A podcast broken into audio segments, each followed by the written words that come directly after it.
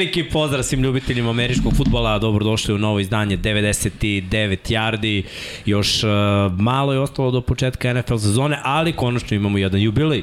Zvanično je počela predsezona i sinoć smo pratili Hall of Fame meč, mogli smo da gledamo indukovanje osam igrača, to jest šest igrača, jednog trenera i jednog uh, bivšeg sudije u kuću slavnih, takođe prvu akciju između Jacksonville Jaguarsa i Las Vegas Raidersa. Bilo je dobro, bilo je zanimljivo, pričat ćemo malo o tome, ali pre nego što krenemo sa svima da kažem, tu smo Jimmy, Vanja Sa. i ja, dobro se osjećamo, neki malo le, više u letnjem fazonu, neki manje. Ali dobro, Slotere, Niče, Žarko, Tikliče. Tako je. To je bila moja ideja, niste podržali, ja sam ja podržao sobstvenu ideju da dođem svi u košuljama. Sve vreme sam i ovde. Ići ćemo, ići ćemo u jedan kolektivni shopping po da, bukvalno to mora. Da. To će biti u stvari naš Pro Bowl. Ali Tako je. Old school Pro Bowl, idemo na, na Hawaii. Uh, odmah da vam kažem, neću zaboraviti, like, subscribe. Odmah da pokrenemo algoritam da nas odmah YouTube malo pogura. Što se tiče ove sezone koja će uskoro krenuti, da kažemo da smo odlučili da odarimo jedan power ranking pre uh -huh. nego što sama sezona počne, imamo ideju da u četiri emisije prođemo po osam timova, to ono po kvartalu kao što smo inače radili. Da. Ideja ove emisije jeste da pokažemo prvih osam ekipa Poslednjih. od 30, pa da, od, u stvari da, od 32. mesta do 25. i da nakon toga popričamo malo o aktuelnostima, da pogledati intervju sa Sandrom Platzgamerom. To je mm -hmm. u mhm. stvari onako kruna ove emisije. Sandro je zvao u sredu. Mi smo imali samo 20 minuta, nažalost. 25. Mix Jesmo imali više, a? Da. Nije, kada 23. 23. Sve da ne, i seče i to. Mora je padne freestyle malo. ja, sve vreme gledam Jimmy, u fazonu Jimmy gledao telefon, gledao vreva, ja si mislim, još jedno, još jedno, još jedno, još jedno pitanje. Jimmy stavio timer, znaš, i ovo, devojka ja sam... isto, u isto vreme, bukvalno, ono, da. samo čekala 20, aha, 20 moram da uđem. E, čulo se, kao za veoma uh, ljude sa istočanim sluhom, čuli se jednom trenutku kako se ono pred sami kraj otvaraju vrata te prostorije u koje je Sandra, tačno je ovaj, ova devojka iz PR-a Giantsa ušla i ona je posle rekla, ja sam sad htjela da kažem, to je to ljudi, gasimo, prošle 20 minuta, jako su striktni, ovaj, to naš prvi kontakt sa NFL, jako su striktni što mi nismo. kad, kad smo mi njoj rekli da mi možemo da trajemo i mislim koliko traje život, ovaj, devojka bila u zonu, uh, ne, ne, ne, ne, 20 minuta. Your da. time starts now. Pa dobro, pa znaš šta, kada bude Sandro se vratio u Austriju, možemo tu da, da, da. Ovaj, da probamo nešto da, da uradimo eventualno. Uh, ili da ove neke igrače koji su iz Evrope, da, da jedino tako nekako privolimo. Ili ako budemo otišli u Minhen na utakmicu, tu ćemo imati prilike da ustupimo u kontakt s nekim igračima koji nisu, jel te, u žiži. To je još work in progress, taj Minhen. Pa da, dobro, će vidi. Nadamo se da će da se desi. Mislim, desit će se utakmica nego da ćemo mi da se desimo u Minhenu u tom trenutku. Ja, valjda, ko zna. Ovaj, ajde, ajde odmah da, da krenemo pričamo o nekim aktuelnostima. Mm. Uh, što se tiče trening kampova. Krenu, izvini, od najveće aktualnosti. Futbal se vratio. Da, da, Znači, gledao, ja nisam gledao meč uživo, moram da priznam. Pa i da si te u dva ne bi ga gledao, jer je odložen do pola tri zbog oluje. Aj, ja, ja nisam to nisam tamo i rekao, nemoj oluju, nemoj, brate, sat vremena, baš mi je bilo onako, ne, pa ne nešto mi se spava, nego, znaš šta, već sam bio spreman, to je to, dva ulećeš i kreće utakmica da. i sad zamisli, bilo je odlaganja po sat i velika razlika da počneš u dva i u pola četiri. Jeste. I ono kao, ajde samo da se završi ovo da prođe oblak što pre i stvarno pola sata bilo je okej, okay, prošla je oluja i igrači izašli, ja rekao to je to kreće. I bilo je dobre akcije, ovaj, uh, ste pogledali, ste pogledali highlight? Da, da, jesam, jesam, pogledao sam uh, onaj highlight. Uh... Tačno sam video neke stvari koje sam mi očekivao da će McDaniels pre svega da isforsira mm -hmm. malo neke igrače koji su po znakom pitanja kao starteri, da, da će većina starter osim najvećih zvezda zapravo i igrati. Svako ko je u rotaciji u nekom depth chartu. Znači, nije, nije, nisu bila prva dva hvatača, svi ostali su bili. Nije bio prvi tight end, drugi je bio. Mm -hmm. uh, online, skoro svi su probali da, da igraju i odmah se vidio veliki napredak u ofenzivnoj liniji. Mislim, Jeste. Stidam je imao ceo dan. Imalo, bilo je nekih akcija da je 5 sekundi imao. Znači sve nešto što me povezuje malo s New Englandom i tim sistemom. Uh, ono što u New Englandu, jel te poznato, running backovi i starteri igraju pred sezonu, zato što treneri vole da osete neku akciju. I ovde smo videli, iskreno, ja sam vidio Jacobsa u najboljoj formi od Rookie Gwen. Uh, 5 yardi imao, uh, malo više u stvari, 6 yardi imao po nošenju protiv prvog, protiv najbolje u stvari odbrane koje je Jackson imao da ponudi u tom trenutku sad, ali je prva, da li nije. Ali trčanje su bila eksplozivne, imao je jedno breakout za novi prvi down. Uh, videla se brzina, videlo se da ima motiv da dokaže nešto. Mislim, otkazali su mu tu opciju pete godine, s obzirom da je pik prve runde, verovatno neće produžavati ugovor osim ako ovo ne bude neka sezona od 1000, mm. ne znam, 200 yardi, onda verovatno će uzeti to u obzir. Ali on ima motiv da se dokaže drugim timovima, s obzirom da je sledeća godina ugovor godina. Tako da sam vidio s te strane jednu dobru stvar. Ovaj momak White je izgrmeo na utakmici, znači isto nekoliko fantastičnih trčanja.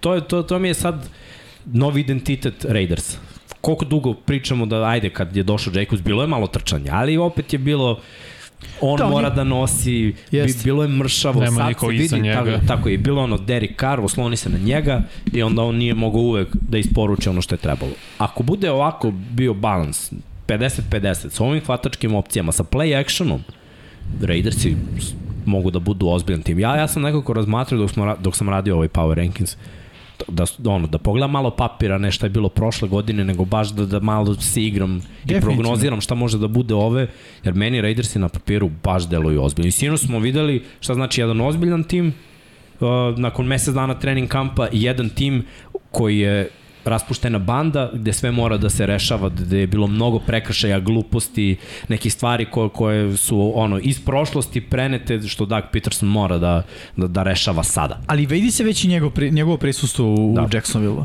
Pre svega odbrana, igra onako žustrije nego što je što je igrala ranije. I slažem se s tom, ima tu rupa uh, i dalje kod njih i ne može ništa se reši u jednoj sezoni, mislim koga to očekuje to su nerealna očekivanja. Ali se vidi uticaj s jedne strane i Daga e, Pedersona na svoju ekipu i McDanielsa na svoju ekipu, jer i jedni i drugi logično, nisu ono idealne ekipe, savršene ekipe u kojima treba malo samo neki podešavanja. Treba tu promena stvari. Promena kulture. Tako je.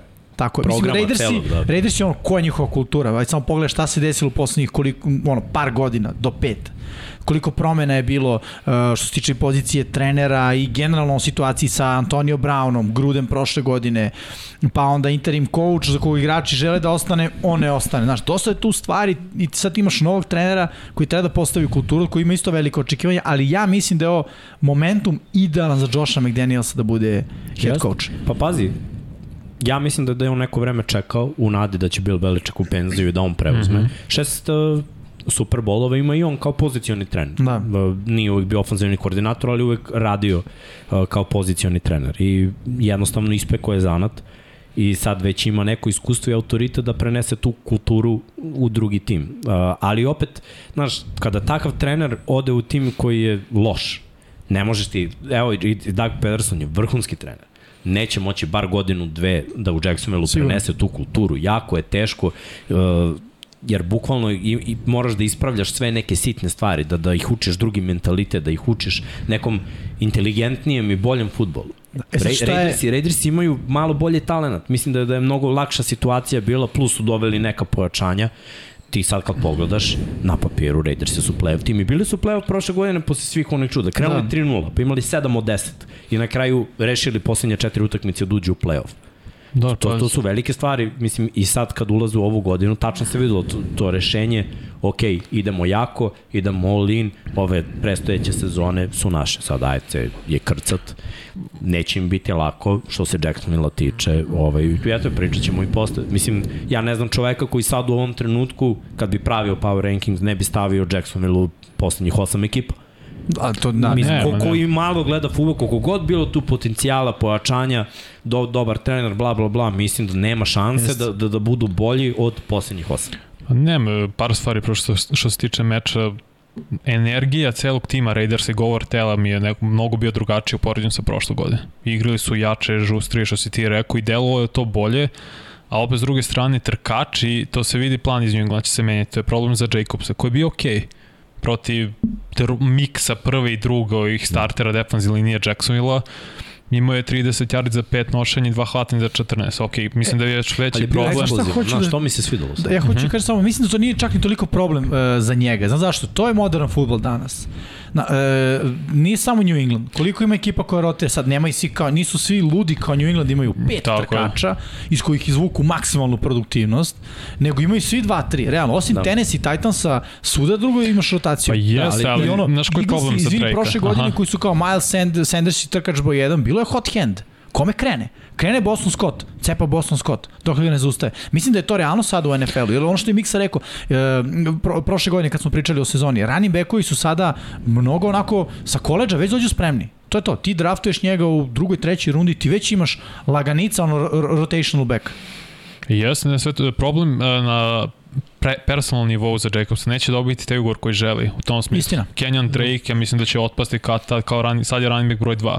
Sad, ne, ne, sad je, sad Ne, ja neće mislim, ni pašće, ja mislim, mislim da, da, će je pasti na broj 4 na sigurno do početka re, regularne sezone 100% će pasti. On Jer će gledaj, ovaj, ovaj momak White, Moguće. koji je ruki, On će da igra sa ozbiljnom fizikalijom. Znači, mm. -hmm. sinu su to bila tako eksplozivna trčanja, dobri katovi, uh, ulasci unutra u sredinu, ne uvek nužno bežanje s polja, ima dobre ruke. Abdullah, treći down back zahvata. Mm -hmm. Preće on da uđe nego Kenyon Tako Drake. je. To Abdullah nije uopšte ono kao novina, Abdullah to radi kako u NFL. Da, od kad je bio E sad, draftan za Što se Lions. tiče Jacobsa, pazi, koliko god to bio ono, da kažeš ono, pucanju nogu, s druge strane, on ni jednu sezonu nije izvukao do kraja. Nije. Svake godine se povredio. Tačno. A bio je jedini bek. Mislim, imao je i Richarda iza sebe, pokušavali su nekako da naprave uh, rotaciju, međutim on je bio lu- lupan, 70-80% nošenja je išlo njemu. Nije ih iznao. Jako je teško da, to uraditi. Ali ako si odmorniji, ja mislim da ovo što Jimmy kaže, modern futbol je sad malo drugačiji. Ti i dalje možeš, ima utakmica više, lako možeš do 1000 yardi i, i sa 55% nošenja. Može što ti je kao formula Ezekiel Elliott od prošle godine. Pa, Sad sam teo da kažem. Došao je do 1000 yardi, ali pazi, Ali to je Elliot u neprimetno. nekoj... Da, ali Elliot je- je u nekom padu forme. Jacobs, koga sam video sinoć, je u uzlaznoj formi. O, ovakvog eksplozivnog, jakog ga nisam video dve godine. Pa dok ne vidim to u regularnoj sezoni, Mislim Znaš, da, mislim da, ali- da je bio malo, pazi, Elliot je dobio ugovor i onda mogu i da ga razumem. Znaš šta ima ima, Elliot? ima lagodnost iza sebe, sigurnost, ima pare Jeste. i nema brigu. Ovaj ima brigu jer mu je odbijeno, znaš šta, kad si pik prve runde, malo u svojoj glavi si bitan, zvezda si, bio si pro bowl u prvoj godini, bukvalno, je. ima, ima, imao si dobru statistiku, znaš da si broj 1 i odbiju ti opciju na petu godinu. Malo te pomogne kompleks. Mm. Ma, ja bi ušao u teretanu i malo bi više radio. Malo bi izašao na teren posle treninga, radio bi nešto. Bukvalno bi bio, e sad ćete vidjeti. Ali- I mislim da, da, da ne, nije samo za Raiders sad ćete da vidite, već, već za sve. ligu, ono kao, e, vidite me, ja zaslužujem da dobijem taj ugovor. I, ne, ima apsolutno smisla razlika između Eliota i Jacobsa. Eliot je propustio jedan meč u svojoj karijeri. Od ko, onih koje mogu da igra, da nije bio suspendovan ili da nisu bili poslednji mečevi sezoni. Odigrao 88-89 mečeva. Kako god da je Eliot igra i ne povređuje se. Tako je. Tako. To je drugo. Sa strane Jacksonville Trevon Walker izgledao baš dobro. Jeste, ima Jest. sek, taj prvi Baš, prvenac. da, baš je izgledao Ej. dobro i neko NFL spremno, iskreno. I izgleda kao Khalil Mack, da. brate. Onaj, onaj, onaj, da, da, kad Da, je da. onaj jednom rukom ugurao Da, da, da. tekla i sekao, brate. Da, Izgledali imali su baš dobri potezi. I ove, pazi, čak, čak su ona, na dva ona stanta koje su imali, uh, Kelavon Chase se Yes. pojavio prošle godine, Tako onako, nije. Ništa Ki posebno, se da. pojavio isto. Arden i- Key isto se LSU. Tako je, znači malo su odjednom ti neki igrači mladi izašli u prvi plan, bit će onako u senci Josh Allena, koji naravno sedao na sideline-u, mm -hmm. ali sad kad pogledaš tu četvoricu, meni su deluje lepo. Da, da, da. Imaju imaju, gledaj, imaju ok podršku iza, tako Da, da, da. To je jedan što- talentovan tim koji tek treba da se iskaže. Da, ono što te da kažem, uh, ono što Doug Pederson će sigurno donese Jacksonu, to je run stopping defense. Tako To je. će, to će biti rešeno, u smislu, neće ih gaziti trčanjem To ekipe. je sinoć jesu, sinoć su imali Raidersi 152 jara, čini mi se kao tim. To je bilo baš ono, ali okej, Okej. prvi meč, sve jasno, ali znaš je problem, druga strana lopte, na napad je baš anemično izgledao za Jackson, je bilo stvarno uglavnom mučenje gledati, ka, da se povežu uopšte. Jeste, ali ajde, ajde u njihovu odbranu, bez startnog quarterbacka, dva startna running backa, tri startna receivera. Nije i- igrao ni backup quarterback, zar ne? Nije igrao, ko je bio starter sinoć? Ne, pa Luton, ali Luton. Pa zar nije CJ Betters, valjda? Pa vidjet ćemo. Backup. Mislim, ne znam. Tako da mislim, gledaj, ja da, ne znam nisu kako igrali... Rezonuje, kako Dagi rezonuje, ko je njemu broj 2.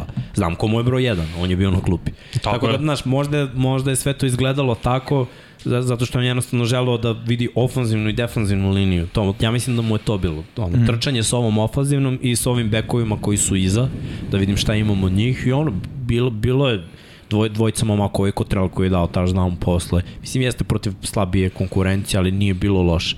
Mislim... Jeste, kažem, Stidham je igrao baš dobro, iskreno. Jeste da imao dosta vremena, ali neko delo je da je, da je na kraju će se ispostaviti da je lap trade bio za Oakland. Moraš da imaš, za, pardon, Las Vegas Raiders, moraš da imaš dobrog backupa. Jeste, ali... Kar, sam... redko kad propušta meče, ali slučajno se desi jedan meč da mora propusti, ok, Stidham i zna McDaniels, zna to, sistem. E, to je bitno. To je najbitno izgleda ok, izgleda stvarno dobro. Izgleda je konform. Da. To je nešto najteže u NFL-u, da kao QB budeš da. uh, konferenci. Imao je dve, znači šta se meni svidilo što je McDaniels i rekao na konferenciji za štampu posle, da zašto je pustio malo duže da, da igra Stidham, jer on je bio Stidham pa je ušao Malens pa je vratio Stidham. Uh, želeo je da ih vidi u, u tim situacijama koje nisu u scenariju, znaš, on off script, freestyle što bi ja rekao. Da. Uh, znaš, imaš read, pukne protection, moraš da izađeš iz džepa. Dva igrača idu ka tebi. Šta sad? To su ono, ne, nemaš dovoljno utakmice iza sebe nisu mogli da te vide. Šta je on uradio? Bežao na stranu, izašao iz džepa, bacio loptu out. Mogao je možda da trče da dobije udarac da stigne do linije skrimidža. Šta je on izabrao? Rešenje za jednu sekundu. Van džepa si, nema intentional ground nego ako baciš preko linije skrimidža. Pap, no. out, pap, drugi za 10. Prvo što sam rekao, bravo, inteligentan play. To, to je nešto što je sigurno milijardu puta video u New Englandu gde mu ovaj 100% ono kljuco u uvo bacilo to, a kad izađeš nemoj da glumiš Lamara, ne razumeš, on, nisi taj lik uradio ovo, izaberi, igraj ono kako ti možeš. Sigurni. Takođe, nekoliko dobre kretnje u džepu, vidiš footwork, da uđe u džep, da bi kompletirao dodavanje i toga je bilo. Tako da, ja sam baš oduševljen. Malens je ono, hrabar lik, ja mislim da će on da ostane tu, ako ostane kao treći kao za pre, pretisku. Pa, da.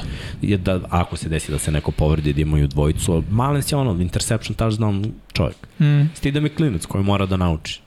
Ali definitivno... Dobro, ali i u prilog Stidamu ide upravo to, da McDaniels s kojim je radio u New Englandu, kad je došao u Raiders je rekao, ono, dođi. Mm. Pa zna ga, znaš, da. on, on, tačno znaš, dobro je kad imaš igrača na kog, od kog znaš šta očekuješ. Jeste, ali znaš, imaš i on igrača od kojih znaš i koji kažeš ovoga nikako, pa zato što ga znam. A on je ipak za Stidama done odluku da, hoću njega jer ga znam i znam šta su dobre stvari, šta može da prinese. Baš tako. Dobro, to je bila prva utakmica, ajde da kažemo. Igrači koji su indukovani su održali male govore. Sad večeras će biti u stvari, ja mislim, dodala ovih sa koja ili, ili za vik, sutra. ili sutra. Da. Mislim da, da subotu uveče, ali proverit ću. Da, svakako dobra jedna generacija, generacija. Znaš šta mi je bilo smešno, gledam, ono svi su igrali 90-ih, svi ono, jedan tim je draftovani, znaš, u jednom da, timu, da. cela karijera. I ba, baš sam prokomentarisao, ovo danas, ne može da se vidi. Da, da, teško. Rekao, jer, jer pazi, nisu bili tipa quarterbackovi pa kao jedan tim, ne, nego bio jedan safety, bio jedan linebacker. Onda gledaš, kada danas jedan Bobby Wagner nije mogao da izgura celu karijeru u Seattle, kada jedan Tom Brady nije mogao da izgura celu karijeru u New Englandu. Dobro, Tom Bradyva karijera traje 40 godina. ne, nema veze, razumeš? Pazi, ako on nije mogao da izgura u jednom timu, da. znaš, ba, ba, baš mi je čudno, ba, baš ja mislim možda će Rodgers da bude taj jedan lik koji je izgurao čitavu Ej, karijeru u jednom timu, ali da, znaš, ne bih se zaklao, znaš. To je to, jednostavno da, ne, današnji ne, trendovi su totalno drugačiji. Jest. Nema igrača ni na jednoj poziciji, jest. znači ja se ne sećam Pa, Malo u ovoj eri, u ovoj eri sada. Znači, ajde da ne gledamo kraj 90-ih, početak 2000-ih, jer tu je i bilo. Dobro. Tu je, to, je, to je kraj. Znači, ja mislim da je to poslednja generacija koja je mogla da izgura celu karijeru u, u jednoj ekipi. Kao pozici, Heinz Ward, kao Marvin skill Harrison. Skill pozicije definitivno. Ja, kad je Tariq Hill otišao u Miami, ono sve je moguće. Mislim, zar ne?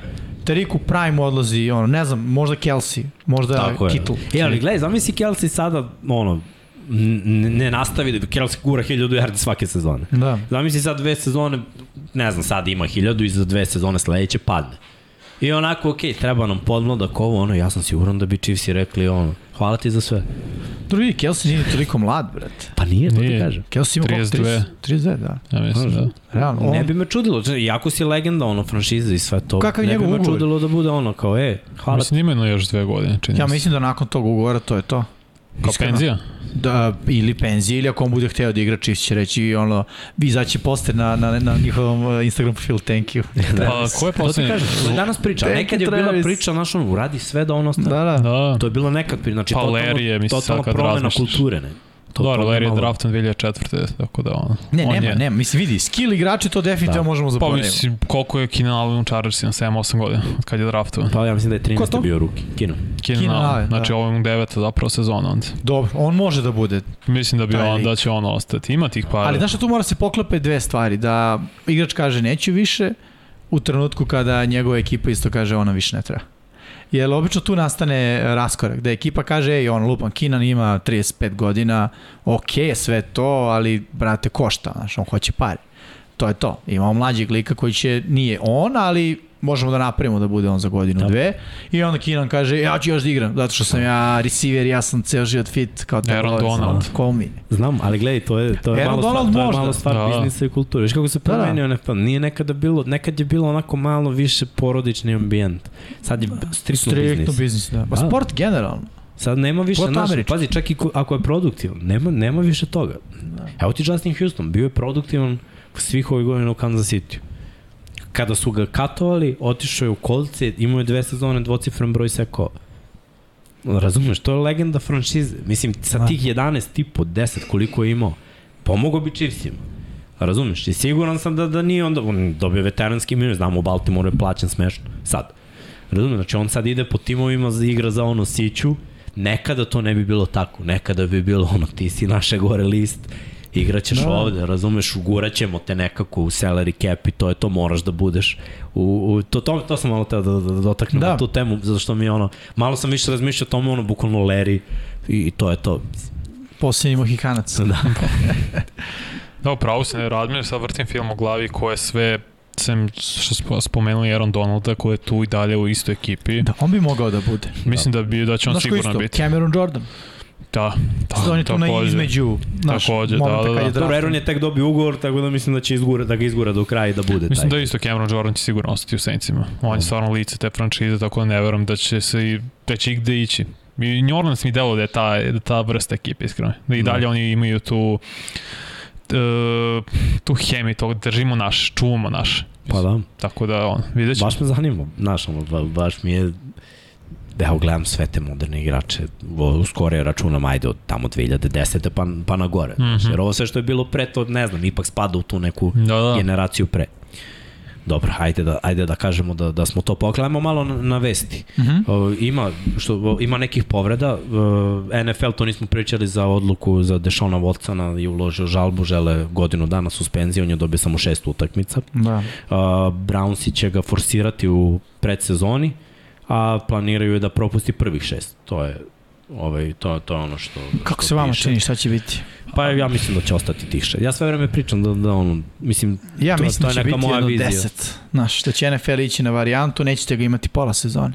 Ne znam, mislim da je NFL pravi ozbiljan kik zato što je NFL dao moć bivšem ovom sudi Sue Robinson da ona odluči kaznu zato što NFL prethodnih godina nije bio sposoban da učini pravu stvar na aj tako da To nazove. je pošteno, mislim, ovo je građanska parnica, Ne, ovo ne, nije... ne, ne, jeste, nego problem je što NFL sada ima problem sa, njenim, sa njenom odlukom. Dovodi u pitanje njenu odluku, iako je ona zapravo dovedena i njen posao je da reši ovaj problem. Ne ovaj, nego generalno tako je problem, zato što Jasno. NFL nije bio sposoban da reši. Sada dovodi u pitanje njeno uh, odluku i neku nazovi moć.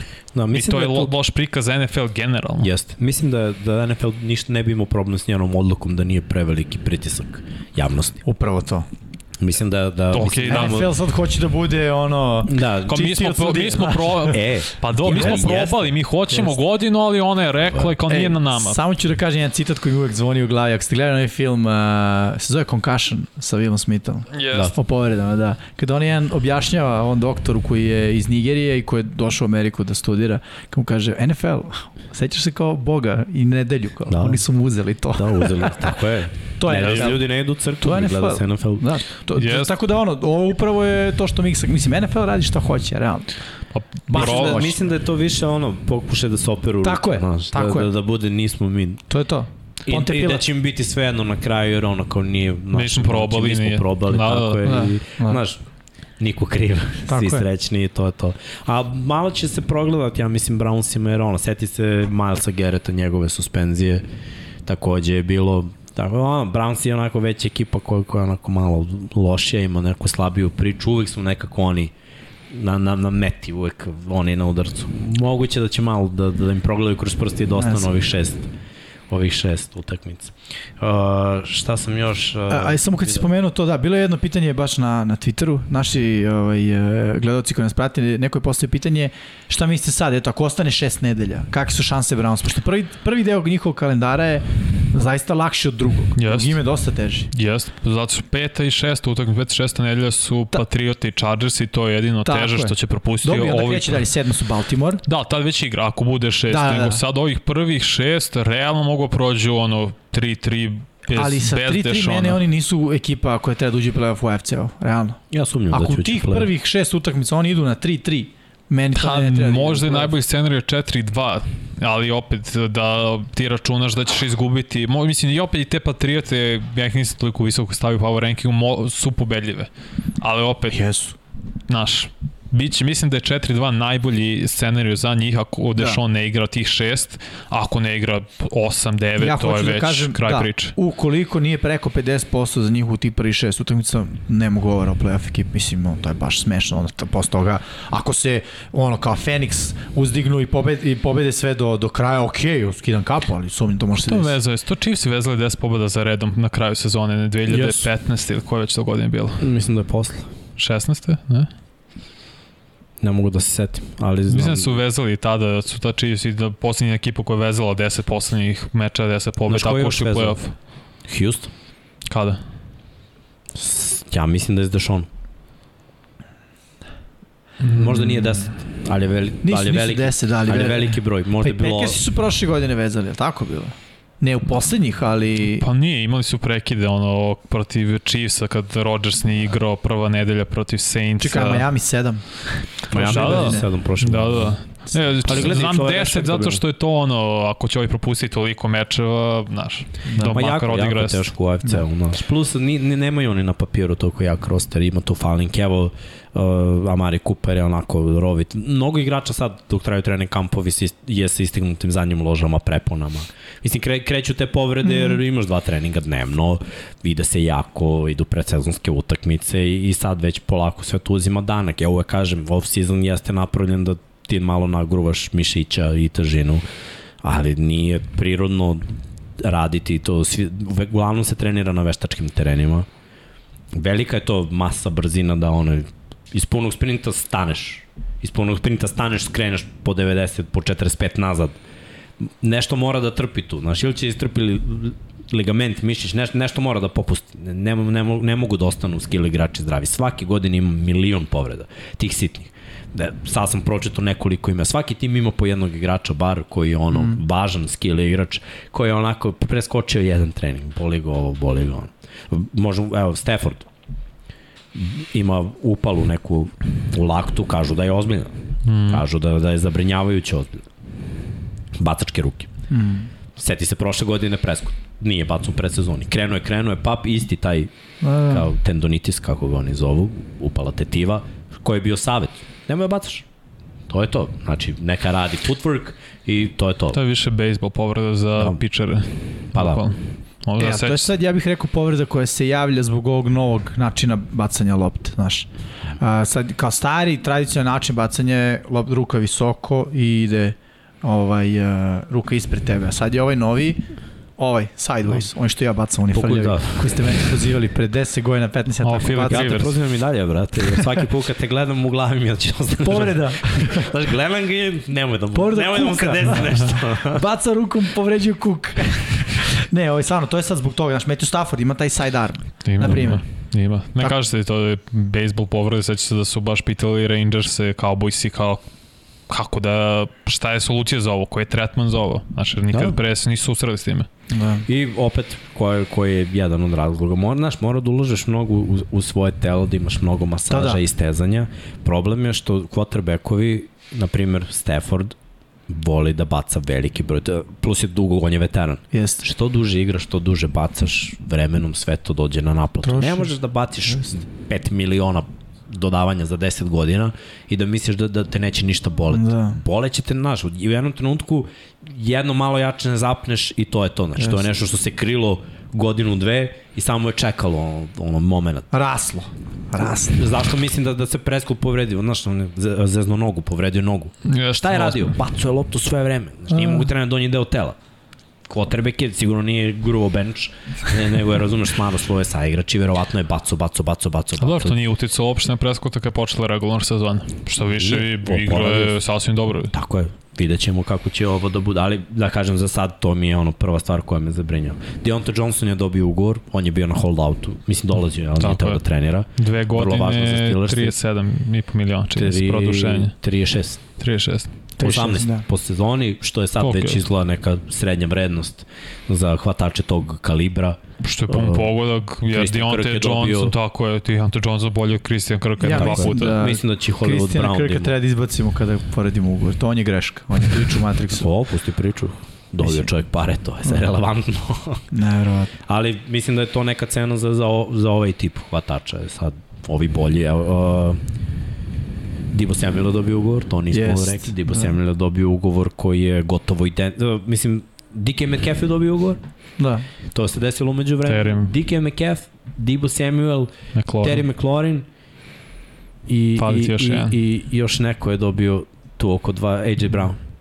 Iz to, te to je- generacije. Ta, ta generacija ima ugovore koji su oko 20, između 23 i 25 Da. miliona. To su pro bowl hvatači, hvatači koji su opcija broj 1 u svom timu i na koje možeš da se osloniš i mislim da je samo bilo pitanje kada će ovo da se desi. Malo smo mi pričali o tim uh, eventualnim trejdovima Diba Samu- Samuela i DK Metcalfa pre svega. Meni je delovalo to sumnjivo jako jer realno to su ti, ono, to je oslonac ekipe. Znaš, izbaciš Samuela iz San Francisco, malo si u problemu. Znaš, odjednom gubiti smisao ceo napad. Uh, što se tiče Metcalfa, ko je onda u Seattle ostao ako iz njega ispad. Znaš, nekako mi je delovalo, to je to, nemamo kome drugom da damo pare, guraj tu na, u svoje igrače, njih si Jeste. izabrao, njih si draftovao, draftovao si ih kasnim rundama, Znači, ono, znao si da, da će morati da dođe to na naplatu. Izguro si tri sezone, igrali su momci za džabe. A dobro da, u slučaju i Deontay Johnson i Dibo Samuel oni su jednu godinu imali odlično. Znaš, Dobro, ali i- Dibo, e, znaš koja je stvar? Koja je to godina? Ako je to prva, jedna naredne dve, ništa. Ništa posebno. Pa ne, ali isti je slučaj. Obojice su prošle godine Pa to ti kažeš, znači, to je ta eksplodirali- poslednja godina Znaš. koja te real, mislim, ono, uh, novac se brzo okreće, mislim, realno. I ti sad imaš sledeću stvar, uh, on je poslednje, prošle sezone za Seniju bio odličan igrač. Ti moraš da ga platiš ove godine. Nemaš drugi, nemaš drugi način. Dobro, to da. Jer ono, kao, to je ono, short memory, bukvalno. Platiš ga Znaš sada, šta? on se ne pokaže Išlo naredne mu je godine. malo u, u, na ruku. Garoppolo je bio povređen godinu pre. I malo su šetali sa trojicom on je isto bio povređen. Znaš, i još je on, i onda onda gledaš, hm, da okej, nije baš bila idealna situacija. Vratio se Garoppolo, on dečko ima hiljadu i po yardi, trči, leti, skače, Pritom, hvata. da, njegov ugovor ima uh, interesantnu klauzulu koja je vezana za yardi trčanjem. Da, Da, je. touchdowne trčanje. Da. Da, ali je nemoguće. Ok, Mislim, ali baš je teško postoji, da. Postoji, postoji, Postoji, u smislu... Bili su namazani. Znaš, Da, da, da, da, da. napravili su ta, ta, tačno ono, da ne može da ispuni. Jer pro, e, prošle godine koliko god je trčao, i trčao touchdownove, e, ostao, bi, ostao je kratak Zato za što klauzu. tražili. Znači sad bi morao još više da trči, a ja mislim da je njemu interesu manje da trči. I sumnjam da će ga oni guruvati toliko da bi mu Pritom- dali, to je 600.000, nije ni milion. Da, Znači toliko trčanja i batina treba dobiješ za 600.000. ne znam što su to stavili uopšte, meni to isto bilo... Pa eto kao, zašto je teo da bude plaćen kao running Da, back? da. Mislim sad je vidio neku realnu vrednost running back. Čuti peva igra receiver. Bukvalno. To To I je- nek tu udari safety, on, mnogo bolje nego Da. linebacker i D-line. Ja jok. Mora dobro, on zna to realno, on trči. Tako da... Tako da to, to su te neke vesti koje Ja su... bih, i imaš na stvar, Anthony Barr je u Cowboysima. Cowboys Da. su potpisali Anthony Ali Barra. na pup listi. Da. Da. Ne, ne, neće trenirati, vidjet ćemo kad će se u stvari pridružiti aktivirati. ekipi. Da, da, da. Ali, ok, meni je to onako, e, Anthony Barr je, mislim, respektabilan Da, linebacker. Nema Bivši šta. pro bowler, da? Da, bivši pro bowler. E, mislim da su, da su ga ono Cowboys uzeli čisto da bi, da bi imali još neku dodatnu ono, iskustvo. Pa ne, Na toj poziciji. ja mislim da su ga uzeli da su će Parsons morati igra na liniji. Da, to sigurno. I onda ima pozadi velika rupa, Da. da. no, moraju da imaju dubinu. Jer čim je ono Gregory otpao, znaš, oni su sad već u fazonu moramo se, i nisu jedini, ima mnogo timova koji će još probati da se skrpe sa ovim preostalim slobodnim agentima, a veterane ne moraš da guraš na trening kamp. Mislim, Šta ima bar da igra pred sezonom, šta ti kao ne znaš šta je on uradio za 10 Da. godina u NFL-u. A istina. Nije, jed, nije, Znači- on je samo jedan od tih igrača. Drugo, drugo je s mladim igračima, s igračima koji su možda igrali 3-4 godine u nekom lošem timu. Ali ako si igrao u play-offu, bio na nekom pro bowl nivou, mislim, mi znamo šta očekujemo od tebe. Dođi, uči, skinućeš se, ući ćeš u formu i zaigraćeš kada nam bude trebalo za mesec dana. Da, problem je to. Dallas što je defanzivna linija i pozicija hvatača najtanja. Pogotovo sad Jeste. hvatači kad je povređen i Gallup neće igrati prvih dve, tri utakmice sigurno, Washington se isto povredio. E, bravo, da, Washington se Tako da, Da, sad je CD Lamb i ko je onda iza. Ovaj ruki, tol, koliko se prezija Tolbert, čini što su ga draftovali i ovog što su potpisali iz UCFL-a, što je bio MVP. Da. Tanko. Ti baš je tanko, ti tu imaš problem i sad je na Daku Preskotu da razvija Ali hvatača. imaš Šulca, znaš. Imaš, Šulc da. je dobar taj ten. jeste. Ne, imaš, nije. ali op- imaš samo Šulca na poziciji tight enda i, znaš, jel, Jarvin, mis, mislim da Nije, više nije, mislim to. da nije to. Tako da je, Tanko je. mora Dak Prescott sada da se razvije u tog quarterbacka koji će Ej, da ali, razvija znaš šta talent si oko izbacio sebe. iz jednačine? Elliot i Pollard. Mislim, realno, ozbiljan one-two punch. Pa Elliot je u meni padu Dallas- u formi poslednjih Yes. dve, Nema tri veze, godine. ali vidi, može i daje da doprinese ono što treba da doprinese, a to je ono, treći za dva, tri za jedan, Ne, Elliot. znaš šta, ja realno. očekujem Pollarda često u slotu ili u Mislim da bi to bila dva, greška. bek, dva beka, Mhm. pa jedan motionuje na receiver. Nema ko? Nema ko On bu. mora neko, a Pollard igra prošle godine nekih 20% snapova outside kao hvatač. Pollard je jako dobar hvatač. Ne, ne, jeste, slažem se, samo A, mislim znaš, da bi... Nemaju tela. Jednostavno su se doveli u tu situaciju. Da, ali imaju all-line. Pa, Znaš, e, to je sad. zašto, da. zašto nabijaš toliko u ako Koji ćeš da all-line? igraš, znaš, Pa dobro, nije da Levi nije. guard je sada ruki, ovaj, Da. Taju Smith, koji je imao najviše prekršaja na koleđu prošle godine. Centar Da. je uh, bio je on starter prošle godine, ali je baš downgrade u poređenju sa Travis Frederick. Tako je. Zach Martin jeste Zach Martin, ali ko je sada desni tackle kad je otišao Collins. Da.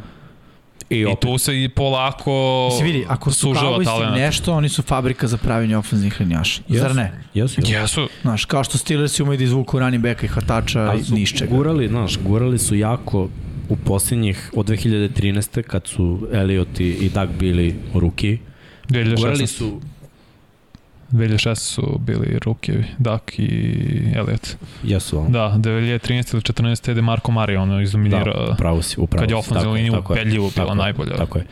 Ovaj, ka, kada pogledam, znaš, koliko se guralo u njih u prvim sezonama, u talenat oko njih svih tih sezona, pa ajde da razvijemo Daka, pa dovede Marija Kupera, pa napuni hvatače, pa ovo, pa ono, pa ono.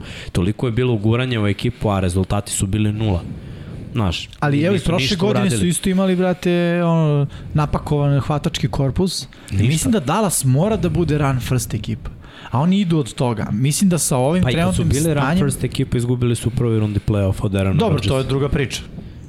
Mislim, Ne, jedno Realno, su dobili jednostavno- Seattle, pa su onda i otišli na Ramse, gde su Tako bili izustavljeni. pre- pregazili su. Pregazani trčanjem Ramsa zapravo, što je bilo najluđe. Da, tako da, znaš, kad pogledam malo Dallas i sve kako je Dallas sklopljen, da, Dallas je ono, u ozbiljnom padu. Ja Dallas Jeste. ne vidim u play-off.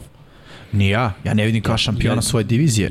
I u Pa NFC-u, koliko god NFC bio, ne, ne, neće biti sigurno šampioni divizije, nego gledam ovako malo tu poziciju broj 2, eventualno da se uđe u wild card i pogledam NFC koji je ono prazan. Ali ja sad kad pogledam New Orleans na papiru, Da, da, to da. grmi u odnosu na Jeste. Dallas. Jeste. Ka- Kada pogledamo ovamo San, San Francisco, Ramse, kogod tu bude Jest. 1-2, to grmi u odnosu na Dallas. Dallas mora, Minnesota Dallas mora se Dallas, bo, e, to, Dallas mora se boriti sa Minnesotom No. za to poslednje Tako je. mesto. Fila Eventualno se Arizona, vidjet ćemo.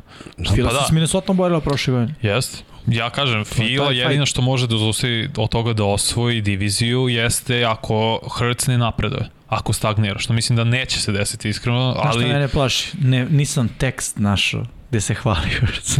nisam našao da se kudi, nema teksta o Hrcu. Dobro, ne. Osim ovo da je dobar čovjek. Da, Ali- vidio sam juče sliku izlaze na trening Hurts i AJ Brown. I bukvalno gledam Luka, ja gledam onu sl- sliku, gledam i rekao, prate, ova dvojica ne izlazi iz teretane. Da, Hurts pogotovo, on je Ono workout warrior. Znate, oni su to, izašli Znači, Znam, ali znaš... tona testosterona, brate. Pa ti Znam, znaš ali ne ide na nakon... obaranje ruku. Tako. Na Ne, bacanje ne, znamo, lopte, Da, to hoću- brine. Ali ti znaš da, nakon koleđa šta je radio na Oklahoma, posle svakog meča išao u teretanu. To vidio snimci imaš, znači nakon Da, meča da. u i dalje u opremi, on radi teretanu Da, nakon. skine samo shoulder pad i u Da. pantalonicama. Sve znaš ko je to ludilo? Da, da. A dobro, mislim, vidim. Okej, ne znam. Da, Sledeća dobro, tema. to mu... Ajmo, a može, može sledeće te. Ajde da se bacimo na... na Pa ja na- mislim da možemo. Da. Da. Samo još jednu stvar da kažem. E, Pročitao sam da je Evans malo u zadnju ložu. Da. Pa re, znaš, Tačno. mnogo, mnogo je igrača. Al, al Nije- Godwin nije je strašno. trenirao, viš, to je Jeste, zanimljivo. Jeste, to je zanimljivo. To je baš da. zanimljivo. Ne, ja sam Da. da. očekivao on do trenera. Mislim, ako... Što znači su indikacije ka tome da igra U, po... Pa ne, daleko je to od toga. Evo, na, pazi, dajem ti samo primer. Ja kad sam zeznao MCL, Mhm. meni su rekli ono, ništa, to je to. Kraj sezone. Bilo je Ide Ja se sećam, bio, da, bi- bio je april, znači ja sad računam, oni kao, maš ne, kad se završila sezona krajem jula, kao, ma ne, nema šanse, ja rekao, brate, ne znam, ja ću svaki dan da radim terapiju, ću svaki dan da radim vežbe, ja ću, ja ću se vratiti. Posle mesec dana, ono kao, osjećao sam se malo bolje, izašao sam na teren, da malo krenem da trčim. Promena pravca i dalje bila 30%. Lagano da osetim, pa me boli, pa mi je neugodno, pa znaš, ono nikako, ovo nikako, ali sam izašao na teren, znaš, i to ti je ono, izašao lik na teren. On neće praviti hard cutove, sigurno, još dve nedelje. Mm. Ni, oko njega je pet ljudi koji će mu zabraniti da pravi speed No, da. cutove. Ja razumeš, znači bukvalno će biti pored i šta će, on će trčati, da, trčiš, možda uđeš malo u formu, baciš A neku znaš šta je pataš u problem? ruke, što to je mi to. ne znamo šta je Godwin radio do sada. Mi ne znamo da li je ovo Pa, stvarno njegov, ovo je prvi put da je na treningu, a mi ne znamo na terenu koliko je on. Da li šta je sve radio do ovog momenta da ide na trening. Buccaneers. U tome je jedina stvar. jer Pazi, čim je on- Stvarno ne znamo. Čim je on dva meseca uh, ispred rasporeda oporavka, znači da je frik, ono, mislim, njegov, njegovo telo je frik, ono, gen, genetski je frik. Tako je. Znači, čim se ti tako brzo oporaviš, ligamenti se vežu. povrede, mislim. Uh, razum, mislim, on je, ja se sećam, bio, bilo po znakom pitanja. Ja kad sam vidio start, ja sam odmah na tekmi rekao je ACL. To ne može da bude ništa drugo kad ti neko uleti tako u koleno. Uh, sećam se da je bilo on kao trčka, pored sada dana, hoće da se vrati. Ja gledam, gledam u šonete, ovo je nemoguće.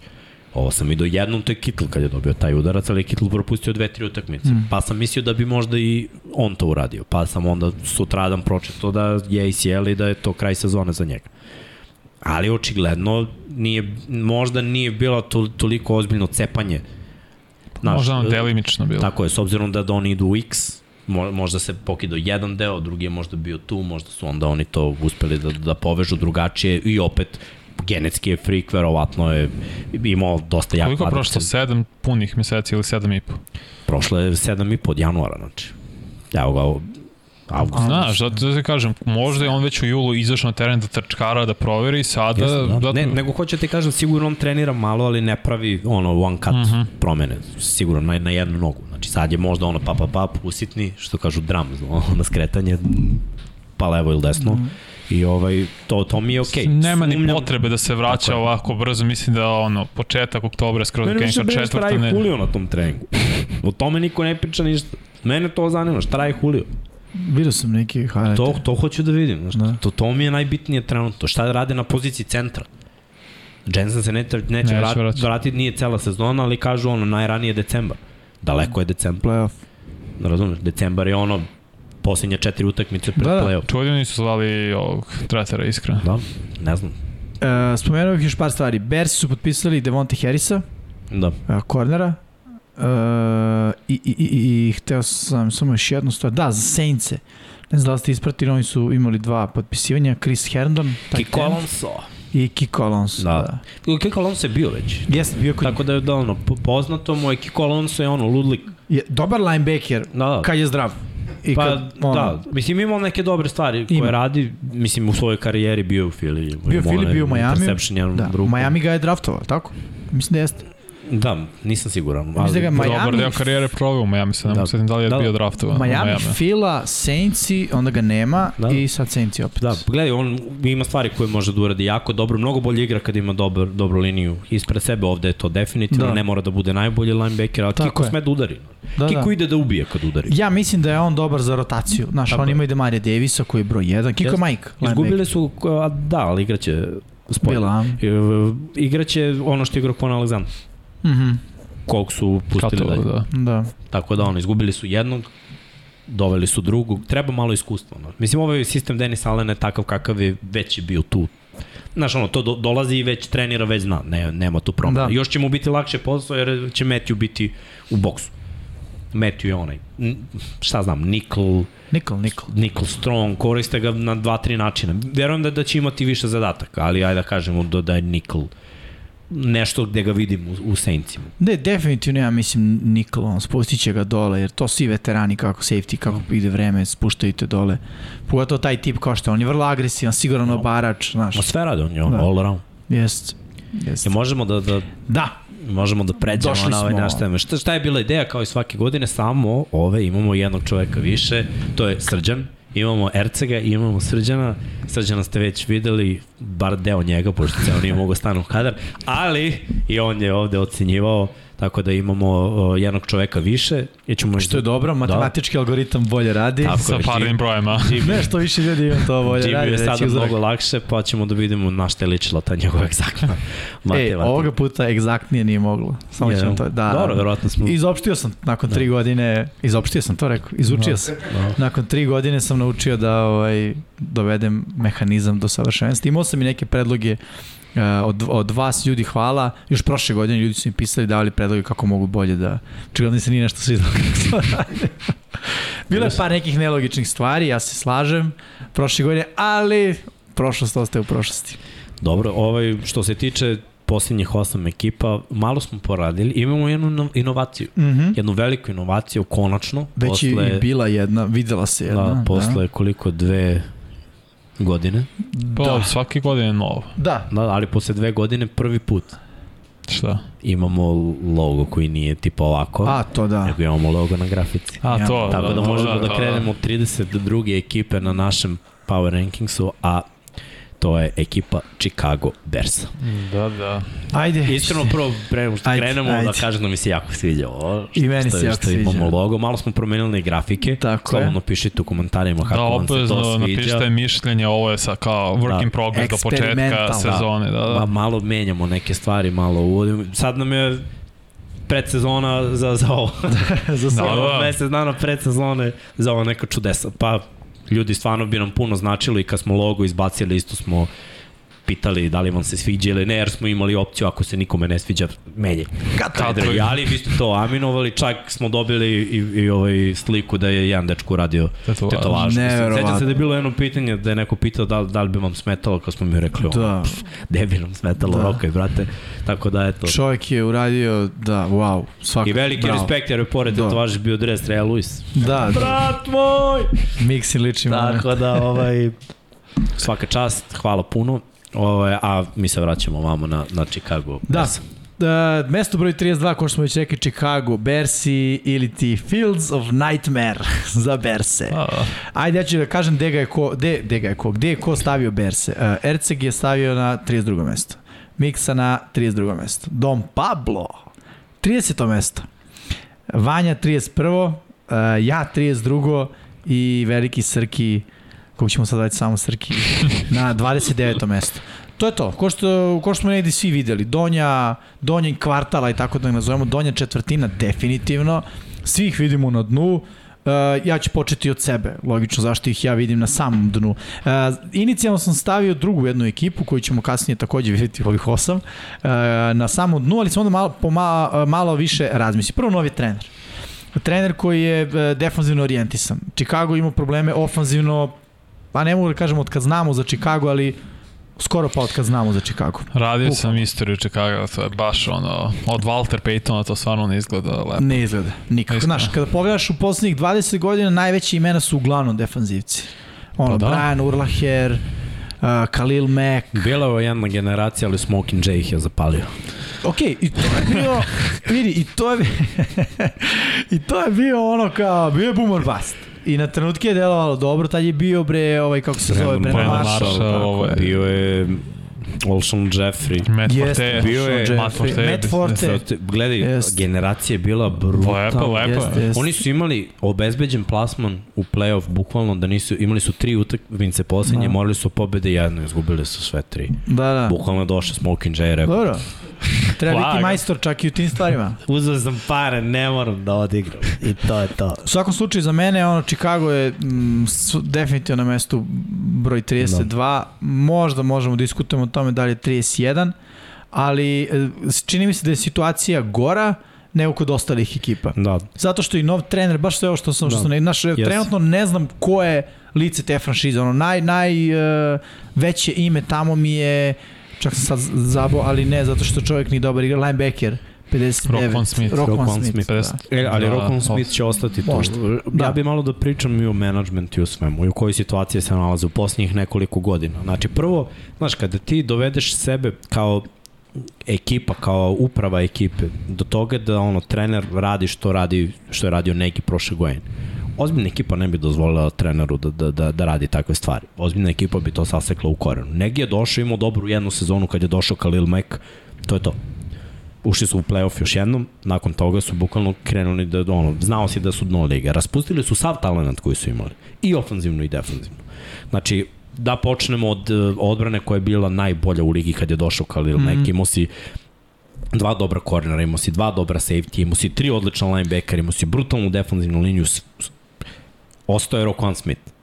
I, ostaje i Jackson. Edge. E, ne, I ne, ovaj Edge isto ostao što treba ga traduju. ali on nije bio tu. Robert Quinn. Robert Jer na Quinn? njega misliš? Da. On je, Aha, on je misliš, došao posle. ok, ok. Ni- nije njihov igrač. Njihov je bio Lloyd, koga su poslali u LA. Tako Da. je.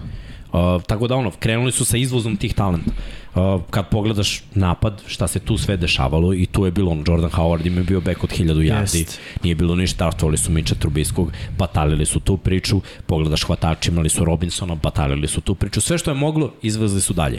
Uh, izgubili su mnogo kapitala na draftu, zato što su dali kuću za Trubisku su poslali dalje. To je bila jedna greška menadžmenta. To je truba Druga greška- koju su Tako To je bio greška GM-a Ryan Pace-a zapravo. I, dobro, ali ja to računam, mislim, da... Pa ne, da stavimo lice i ime Tako ispred je, toga. Ok, upravo si.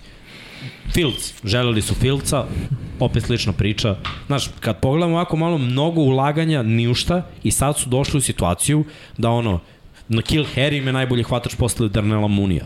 To je sve što imaju od hvatačkih yes. opcija. U backfieldu Duo Promo, Montgomery je možda taj lik. Možda. Ulagali su Terika Coena koji je odigrao tu jednu sezonu. I nakon toga ništa, jer gadget player ne može da bude opcija broj 1, može da bude gadget player i to je to, to je usudbina Tavon Ostina. Može da odigra i dve akcije na utakmici i to je to, i da vraća punt. To je to.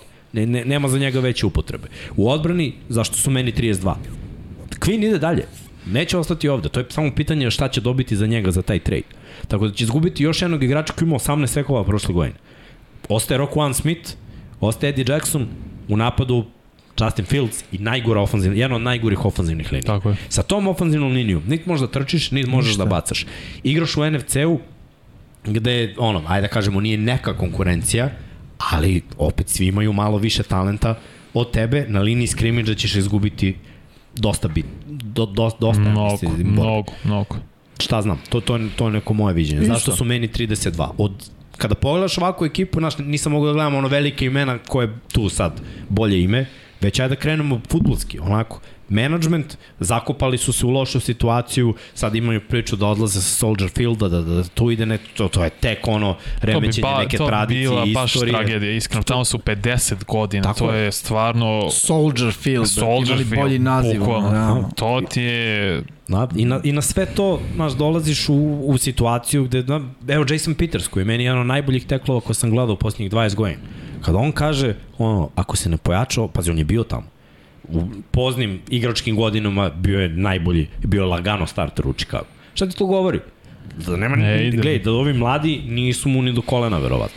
Znači, on je rekao ono, ako se Filcu ne dovede dobra ofanzivna linija, a to nisu uradili, u Chicago nema ništa. I ja mu verujem, on je bio tamo, on, on zna.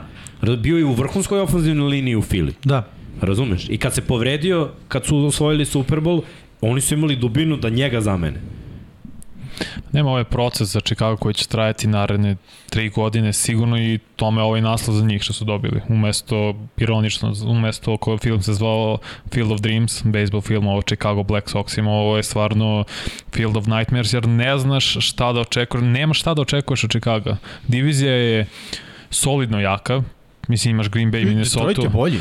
Meni Detroit, ja, stvarno mislim da može da iznenati, na, na papiru, iskreno. Da. E, ovo je, da budem iskren, čekam da gledam, da, da gledam da, Detroit. Da, ne osvrćemo se, mislim, ajde da, da objasnimo malo situaciju, ne osvrćemo se na to šta je bilo prošle godine. Ne, ne, ne. Šta je bilo prošle godine, to je bilo prošle godine. Da, da. Znači, ovo jeste malo onako možda vođeni nekim motivima i papirom, I znaš, ono, nemaš pokriće, nemaš dokaz, Dobro, radiš napred. Nismo videli, nismo videli ni jednu predsezonsku utakmicu, vidjet ćemo. Možda... Ko zna, možda novi da. trener do, uvede novu energiju kulturu. Tako to je, to Ali na papiru nisu na bolje. Papiru, ne, na papiru stvarno, pored sledećeg tima naše, na naše power rankingu, možda imaju najmanje talenta.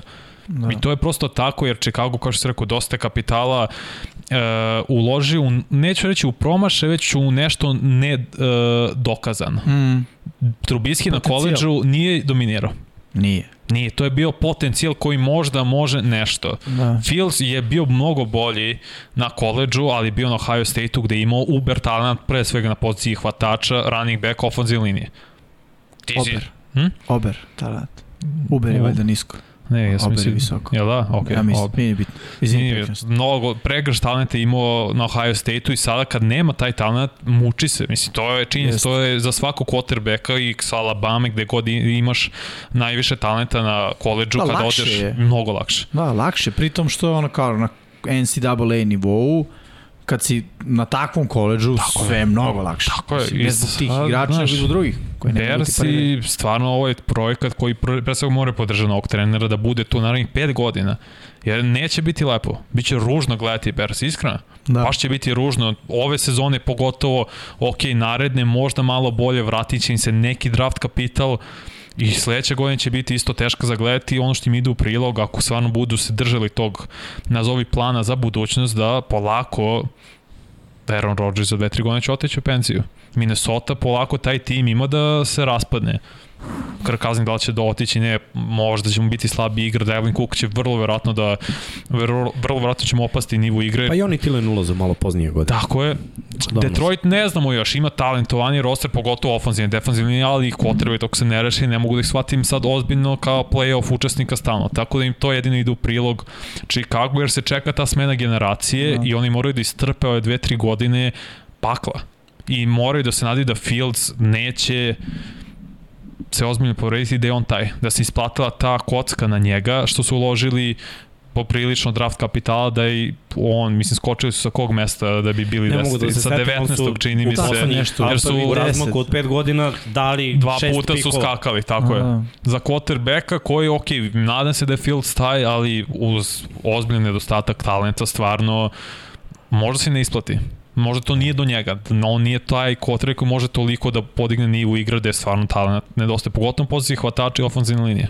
To ćemo tek da vidimo. Samo bih proči, da. pročitao koga smo stavljali na to 32. mesto, znači Erceg Mixer Chicago, uh, Don Pablo Jacksonville, Vanja Houston, uh, ja Chicago i Srki Houston. Što nas dalje ne, ne, vodi? Ne, ne, ne, ne. Hoćeš još? Ne, samo jednu stvar bi zasvetimo. Uh, raspored. Mm -hmm. Pa da najveći broj ajde, pobjeda može. može. Prva utekmica protiv 49ers. Piši propalo. Poros. Druga protiv Packers. 0-2. Treća Texans. Prilika. Prilika, prilika maco. da, maco, prilika. Ajde da kažemo 1-2. Ajde. Ja ću reći 0-3. Giants četvrta. 0-4. 1-4. Ja, ja idem kao optimistički. Ne, ajde, ajde ovako, idemo ono, znači, max iz ovoga jedna, jedna pobeda. Max, da. jedan. Vikingsi. Nema šanse. I dalje jedna. Commandersi. A i nema šanse. Teško, baš teško. Baš. Patriots. Ne, ne. Cowboys. Ne, ne, nisu toliko. Ne. Dolphinsi. Ne. Ne. Lionsi. Možda. Možda jedna, jedna od dve. Znači, da. to je dve, u kojoj smo nedelji tu? Desetoj. Falconsi. Možda. Never. Ja sam protivnik toga. Ok, ja ću biti. No. Znači, Jetsi. dve i dalje. Ne, Na, Jetsi su mi mnogo talentovani. Yes, mnogo, ali ajde, mnogo. Atlanta i Jetsi, ajde da damo tu kao... Potencijal. Ajde, tri nek bude. Dobro, ajde. Pa kogod je. Packersi pa bye week u 14. To je pakao za njih. Znači, to, to je pakao za njih. Bye week. Eaglesi, Billsi, posle toga i onda Lions i Vikings i za kraj. Max četiri pobjede. pobjede vidimo. Koliko su imali prošle godine, isto tako? A, Ne znam. Ili malo više? Sad ću ja da probam Aj, da nađem. Sam probaj da nađeš mm Mhm. da poredimo. Mislim da su možda čak imali šest. Samo sekunda. Sve u svemu dok Jimmy ne nađe, ono, teška godina i gledat će se da imaš top 3 pika naredne godine. Šta ćeš da uradiš sa tim, to je ključ. Da li ćeš, 6-11. ok. Da li ćeš uložiti i draftovati najboljeg tekla ili nešto, ili ćeš da, da traduješ tu poziciju za više kapitala, samo ne smeš previ, previše da se spustiš dole. No, To je talent. sad pitanje za narednu godinu, ali ovako... Ne, tvoja teorija mi je najsmislenija, znaš. Mhm. Čekaj, čekaj. Radi naredne dve, tri godine na tome da igrači uh, ti prvo pokažu šta mogu i drugo da vidiš da li je Fields taj, i, a umeđu vremenu puni ono, znaš, ubacuj Tako je, ofenzivnu liniju pre svega, No, uh, obnavljaj tu odbranu i onda za tri godine kada u, u nadi za, sa- iz aspekta fanova Bersa, kada Rodgers ode, ti onda kaži, ajmo sad mi da budemo ti. Realno.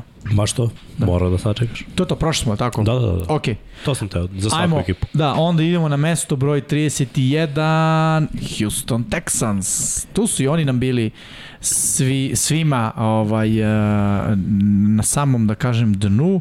Najbolje ih je rangirao Don Pablo Milostivi, koji ih je stavio na mesto 29.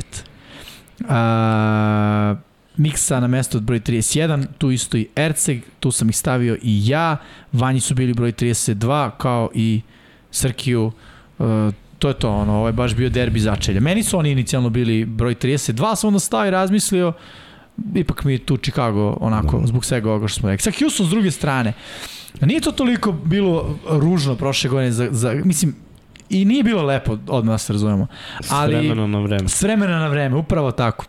Imali su neki ono... Krenulo su dobro, taj rod ih je držao, taj Jest. rod se povredio. Imali Uš, su miks veterana. Da, Ono kao, praviš supu od starih sastojaka. Otvoriš frižider i ono kao, momenta kad se skuva, probaš, evo nije loše, znaš, a onda kad sipaš u tanjiru, pa znamo se, ja, kad se ohladi. Ka- ne mora da se ohladi, bre. Samo kad ga ima mnogo, bre, na jednom mestu, u fazonu si, čekaj, bre, šta je ovo, kakva je ovo supa. A, međutim, ove godine su stvari drugačije. Mislim, Lovi Smith je head coach. Jeste. A, Ko je bio dobro, on je nekada bio head tu. coach Jeste, Bersa bi- baš i ta era je bila coach. uspešna. Bila je uspešna, mislim da Lovi Smith ima, uh, da kažem, taj uh, ono, head coach moment. I druga stvar, ovaj, uh, Mills, sad znaju barem ko je kotraju broj 1. Znaš, prošle godine Mills je bio ono next Projekat. man up. Mm. To je to. Ma čak, čak nije, mislim, bio ni projekat, to nego bilo je, ej, koga imamo? Samo je on tu, Da. baci ga. Nema ko drugi da igra. A sad je već ono, idemo u njegovom smeru. I meni se dopalo šta je on pokazao prošle godine. Ako uzmemo u obzir koji je bio pik na draftu, uh, da se o njemu uopšte nije pričalo, da nisu postojale očekivanja o njemu kao rukiju u Texansima, mislim da je momak uradio prilično respektabilan posao prošle godine. Pa ajde da kažemo da jeste, ali znaš šta, šta mi je problem? Opet manjak talenta i kad uzmem njega individualno, možda je najslabiji quarterback u konferenciji. Startni quarterback. start. A, uh, aha, konferenciji. Pogledaj FC. Na, u zapadu neću govorim. Pa mislim, on i Zach Wilson, ajde sad budemo, i zavisi ko će biti starter za Cleveland ako slučajno ovaj bude... Pa za Cleveland računom Dešona. Mislim, da, ne, za, ako za Dešon. Pittsburgh računom Trubiskog, opet mi je bolji. Čak i Trubiski. Znaš, on, on je uzima najviše repova s prvim timom i mislim znam šta je on. Imao je pobedničku sezonu. Bolje je od ovoga. Malo je, znaš, imaš najbitniju poziciju koju ti igra momak koji je bukvalno najgori u konferenciji, cela ekipa s talentom, kuburi ozbiljno. Najbolji igrač overall, Brandon Cooks, Uh, koji je dobio ugovor, by the way. Ali to je najbolji igrač. Ja bih čak stavio i Tancela tu kao levi tackle. ne, meni je Tansil, Tansil... brate, meni dno. Mislim da će Tancel biti on tradovan. Overrated igrač, brate. Baš to. Znači, ne, nepotrebno overrated igrač. Znači, lik koji kada god radim Texans ima barem tri fall starta. Ne, znam, da svaki put mislim, to ma nestvaran je lik, ono. I to sve na Da. trećem downu. On kao da igra protiv svoje ekipe, ali nema veze. Da, od, ne znam, Meni baš mi je Houston, Houston mi je u loše situacije. Znači, odradili su draft kako su odradili, jurili neke imena, oni su u ozbiljnom rebuildu koji traje dugo, imali su celu ovu situaciju sa Deshonom takođe. Od kad su nastali Texansi, nisu imali dobru situaciju. Oni kao kultura Za, znači, Chicago ima bogatu istoriju. Rekao si od Waltera Paytona nije bilo dobro, ali je bilo dobro kada je bio Walter Payton. Pa ne, nije Kod bilo dobro. nikad nije dobro. Da. Pa zato sam je pisao nova era, ali ništa novo za Texans, Miksa, znaš. Nije baš da nije, znaš, sa Deshaonom. Šta, ušli u playoff dva puta dobili jednu Ne, imali su Dobro, ono okej. bljesak, znaš, Andre Johnson, Foster, JJ Watt, znaš, imaš Matt pojedince, zvani pick six. A tako dobro, nema je. Matt Schaub, ajde. Znaš, On je bio quarterback. bio Pa i jeste. Hopkins tu, znaš, imaš ti pojedince koji su bili na svojim pozicijama jedni od najboljih. Mogu te pitam, Ali... Ali kao tim, gde su završili? Da li je neko od je. njih završio u Houstonu? U Texansu? Svi u Arizoni skoro. nije, ali Pobili, JJ. ej, sve su odjurili, sve su, Da. da, svi su pobili, jest. svi su otišli dalje. Dobro, Arian? Foster se penzionisao, ja mislim, tako? Mislim da on Prvo nije igrao ne. dalje. Bio je... Miami. U Tako je. Miami, da. Svi su otišli, ej, svi. To ukazuje na jednog- problem em, kulture. Andre Johnson im je Hall of Fame najveća legenda. Prvi draftovan lige, tako? Prvi draftovan je Da. Andre Johnson. Njihov igrač. a i Andre Johnson je rekao za kulturu Houstona u nekom intervju pre par A? godina, ne valja. On To je otišao u kolce pa se penzionisao. Bio je Tako. defanzivni end, brate, neki isto njihov prvi pik. JJ Watt je bre otišao, to je ono, na, najveće Da, ime da, da, ikad. jeste. Čovjek- Oni su jedna nefunkcionalna organizacija. Zar nije bio quarterback koji brat David Carr? Da, David Carr je A on bio... bio prvi pik pa mislim da jeste. ikada. Pa da, prvi pik na draftu 2002. Čini mislim mi da se su- kad su Moguće, nastali. Moguće, moguće. Mislim da je ta. Nije ni važno, sve u svemu važno, da, problem Houstona, ja stvarno mislim da je od vlasnika, jer se menja management konstantno, No. a opet je problem kultura, to mora da krene od vrha na dole. A gledaj, sad je AFC. Prvo, oni ukrštaju sa zapadom. Nula pobjeda. Mm. Odmah da se razumemo. Neće Ajmo dobiti, kroz raspored, a? neće, neće dobiti nikoga. Znači, prva utakmica protiv Kolca. Kolci su sad i naoštreni ne. ništa. Druga protiv Broncosa. Nula. Treća im je ova s Bersima. To je ono. To smo kao. To ajde, damo jedan, To- jednima to- i drugima, da. neko mora. Neko mora. Idu Chargersi, Jedan pa idu u diviziji sa Jacksonvilleom. To je ono, da kažeš Potencijalno poten, dva. potencijalno da. Posle ide bye week, ovako rano. Rano je za bye week. Jest. Znači odmoriš i nakon toga mora izguraš Do kraja, narednih kraja. tri meseca. 12 utakmica, čoveče. bukvalno. Znači, Tri. u sedmoj nedelji, Mm. pazi ovo, pazi, pazi ovo, Raiders i Titans i Eagles, I dalje to dva. vezuju, la, la- lagano ne dobijaju ništa. I dolaze Giants i ko zna, mislim, ali sumnjam, iskreno. Ja sumnjam, bravo. Posle toga Commandersi, Dolphinsi, vraća se Deshaun, Brownsi, Cowboysi, Chiefsi, Titansi, Jaguarsi i Coltsi za kraj. Isuse, to je tri pobede, četiri plafon, da kako neko kiksne da se, da se Ali pokliza. gledaj, ti računaš maksi, znači svako mora da kiksne protiv kog igraju. Ajde da uzmemo neku srednju vrednost, 50% od četiri potencijalne koje Znači mogu da dva. dobiju. Ja im dve pobjede za Pa Houston. znaš šta smo mi njima pripisali? Pripisali smo i Jedan Jacksonville, Jacksonville dva puta, I- kao, Ne, Ma pa- gde će Da, nema, Jacksonville dva puta? nema te- Šanse. to je jedan Jacksonville, da, i šta smo im još dali? I Berse smo im dali, to su dva, da. I problem, ajde da kažeš ono, možda Giantsi, No. Sumnjam, nisu Giantsi, ono, sa. Ne, imaju Nakon intervjua Giants. sa Sandrom, ja sam, ja sam ovaj... kupljen, znaš. Da, ne, ne, ozbiljno. Ne, ozbiljno. ali A, kažem, to je ono što sad može da se desiti. Ne znam, Ali, Kicks. ali znaš šta je problem kod Texans? Opet i kad su draftovali, ti si uzeo cornerbacka, koliko god da je on dobar, ti nisi uzeo premium poziciju koja je tackle ili edge rusher, a mogo si. Bili su tu. Da. I ti umesto da uložiš, realno uvek pričamo od ofanzivne i defensivne linije se kreće. Šta je pojenta? Da sačuvaš svog koterak ili da, i da vršiš pritisak na tuđeg. Tako je. A ti izabereš cornerbacka koliko god da je on dobar, neće on preokrenuti, nije Dion Sanders, neće to učiniti. I još s 13. pikom izbereš garda. A imao si mnogo bolje talent, odmah nakon toga otišao Hamilton, Ali dobro, ali na primjer. to, to sa gardom meni ima smisla. Odmah. A nisi uzao ni najbolje garde.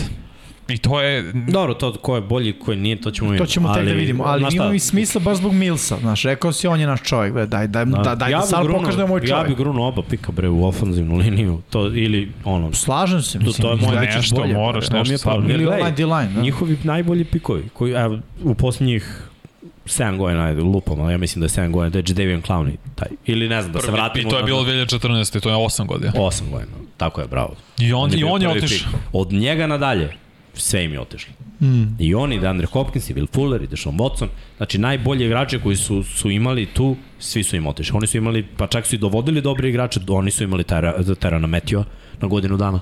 Tako Doveli je. ga, pustili ga, otišu u Chiefs se, osvojio Super Bowl. Mislim, nefunkcionalna organizacija, ja iskreno sumnjam, bilo je onako, imaju taj mali talenat više u odnosu na Chicago, to je moje mišljenje. Ja nekako mogu da, da vidim da Houston može da iznenadi par utakmica na individualno nešto da se desi. Ja mogu da vidim i dalje da Brandon Cooks ima 1000 yardi. Sumnjam da Darnell Mooney može da ima 1000 yardi, osim ako nije ozbiljan garbage time. Sam zamenja te dve ekipe zbog kulture Chicaga i bolje, realno boljeg menadžmenta i bolje quarterbacka Fields nego Mills, gde vidim Houston je stvarno Mislim disfunkcionalno. Ti previšiš na istoriju nego na kulturu. Kultura no. Chicago zadnjih 5 godina je grozna. Ma 5 zadnjih 15. Grozna. Od Super Bowl. Ne zna se gore, iskreno, iskreno. Houston nema istoriju, nema ni kulturu. Tako Chicago je. ima istoriju, nema trenutnu kulturu. Kultura nema, može da. se promeni. Ali se te, menja teško, da. ali i dalje promenjiva kategorija. Houston je na sad, Houston je ekipa koja je češće iznenađivala nego Chicago. Mislim, To, to je jedino nešto što to naludilo neko, mogu da vidim par pobjeda više. Ajde da ka, ali pazi, opet u najboljem slučaju jedna i druga ekipa ja vidim četiri, ja ne vidim više u najboljem slučaju za obe ekipe. Inače Houston je prošle godine imao 4-13. Da. I to su imali iznenađenje. Da, da, bili su Chargers. Oni, imaju, oni, e, oni svake godine imaju iznenađenje. Da. Tako da i ove godine, Dobro. od svih koji su smo videli poraz, oni će dobiju neko kog mi ne očekujemo. Ajde pogledaj ovako, od tipa 10. do Čet, od, ne, od 8. do 14. nedelje pogledaj proti koga igraju. Tu su potencijalni Oni su dobili Chargers ja. nedelju 16. 16. nedelju, da se sećam. Eaglesi, Giantsi, Commandersi, Dolphinsi. Ok, to su te... Commandersi mogu da, da. se dobiju, Browns Titansi se mogu poklizati, mada sumnjam, to je njihova da. divizija, ali nije nemoguće, znaš, ako bude neka situacija sa nekom povredom, neko ne igra, možda bude tu nešto tesno, baš zato što je divizija, znaš, no. poznaju se. Ko zna? Stvarno, stvarno, da. stvarno je ono, sve moguće, ali ovo su stvarno loše ekipe. Jesu. Moramo, moramo se razumeti. Sad dalje 31 ili 32, iskreno, sve jedno. Sve jedno. Mislim, to je dno pa je dno. Jeste. Tako Čemo da, dalje? Možemo, mm -hmm. idemo dalje. Ajmo, mesto broj 30, Jacksonville Jaguars. Ej, to, to su sad, moje mišljenje, to su promene koje se neće desiti preko noći. Mm. I sigurno se, znaš, ovaj vrati punt za touchdown, lik napravi Hold. najgluplji holding ikada. Znači, ono, lik te već prošao. I, znaš šta, bolje se napravio blok u leđa. Znaš, blok u leđa je pametniji prekršaj. Znaš, ono, lik je pored tebe, daleko ti, gurni ga. Ne, da. uhvatiš ga za drep, brate, ima milion kamera, ne može da se ne vidi da si ga uhvatio. Da. Znači, povuku mu je dres metar. A pazi, pitanje je da li bi, da li bi ga pipnuo, da li bi ga oborio. Bio je jako težak ugao, to je ono, ideš pod 40, 40 stepeni, ti ideš na taj tackle, lik je u punom sprintu, treba da ga udariš ispred. Mm. Brzi returner. Ko zna da li bi se desilo? Holdinzi, fall startovi, nelegalna formacija, tri puta. To su gluposti. Da, da. A, ne, udarci, oni, uh, bi, bilo je par puta. Da, ne, ne, ne, personal foul. Aha, aha. To su stvari koje se neće ispraviti preko noći. Znači, ne, neće. I pričaju da Dag je na polovremenu već dao, mi pucamo sami sebi u nogu. Nekoliko puta sam rekao to u prenosu. To bukvalno to rade. Znači ti ne možeš To je nedisciplinovana ekipa, ne možeš da promeniš. To je ta kultura. No i nemaju kulturu. Niti imaju istoriju. To je Jacksonville, ista priča kao Houston. I jednostavno nemaju pobedničku kulturu i kad su imali, bila je to banda, gangsterska slačionica, koja funkcioniše samo kad pobeđuješ. Da čim kreneš da gubiš, Kraj. gangsteri se međusobno poubijaju i to tako je to. Tako je, tako. to, to je to. Lepo si rekao, jeste, red. Za, zato jeste. je cela ta generacija otišla dalje. Da. Sada dolazi novi trener koji ima jako težak zadatak. I, I op, njihov raspored je sličan kao i Houstonu, to je ista divizija. Znači ima svoju diviziju, ima istok NFC-a, ima zapad AFC. Sumnjam da će dobiti bilo koga na zapadu AFC-a. To da.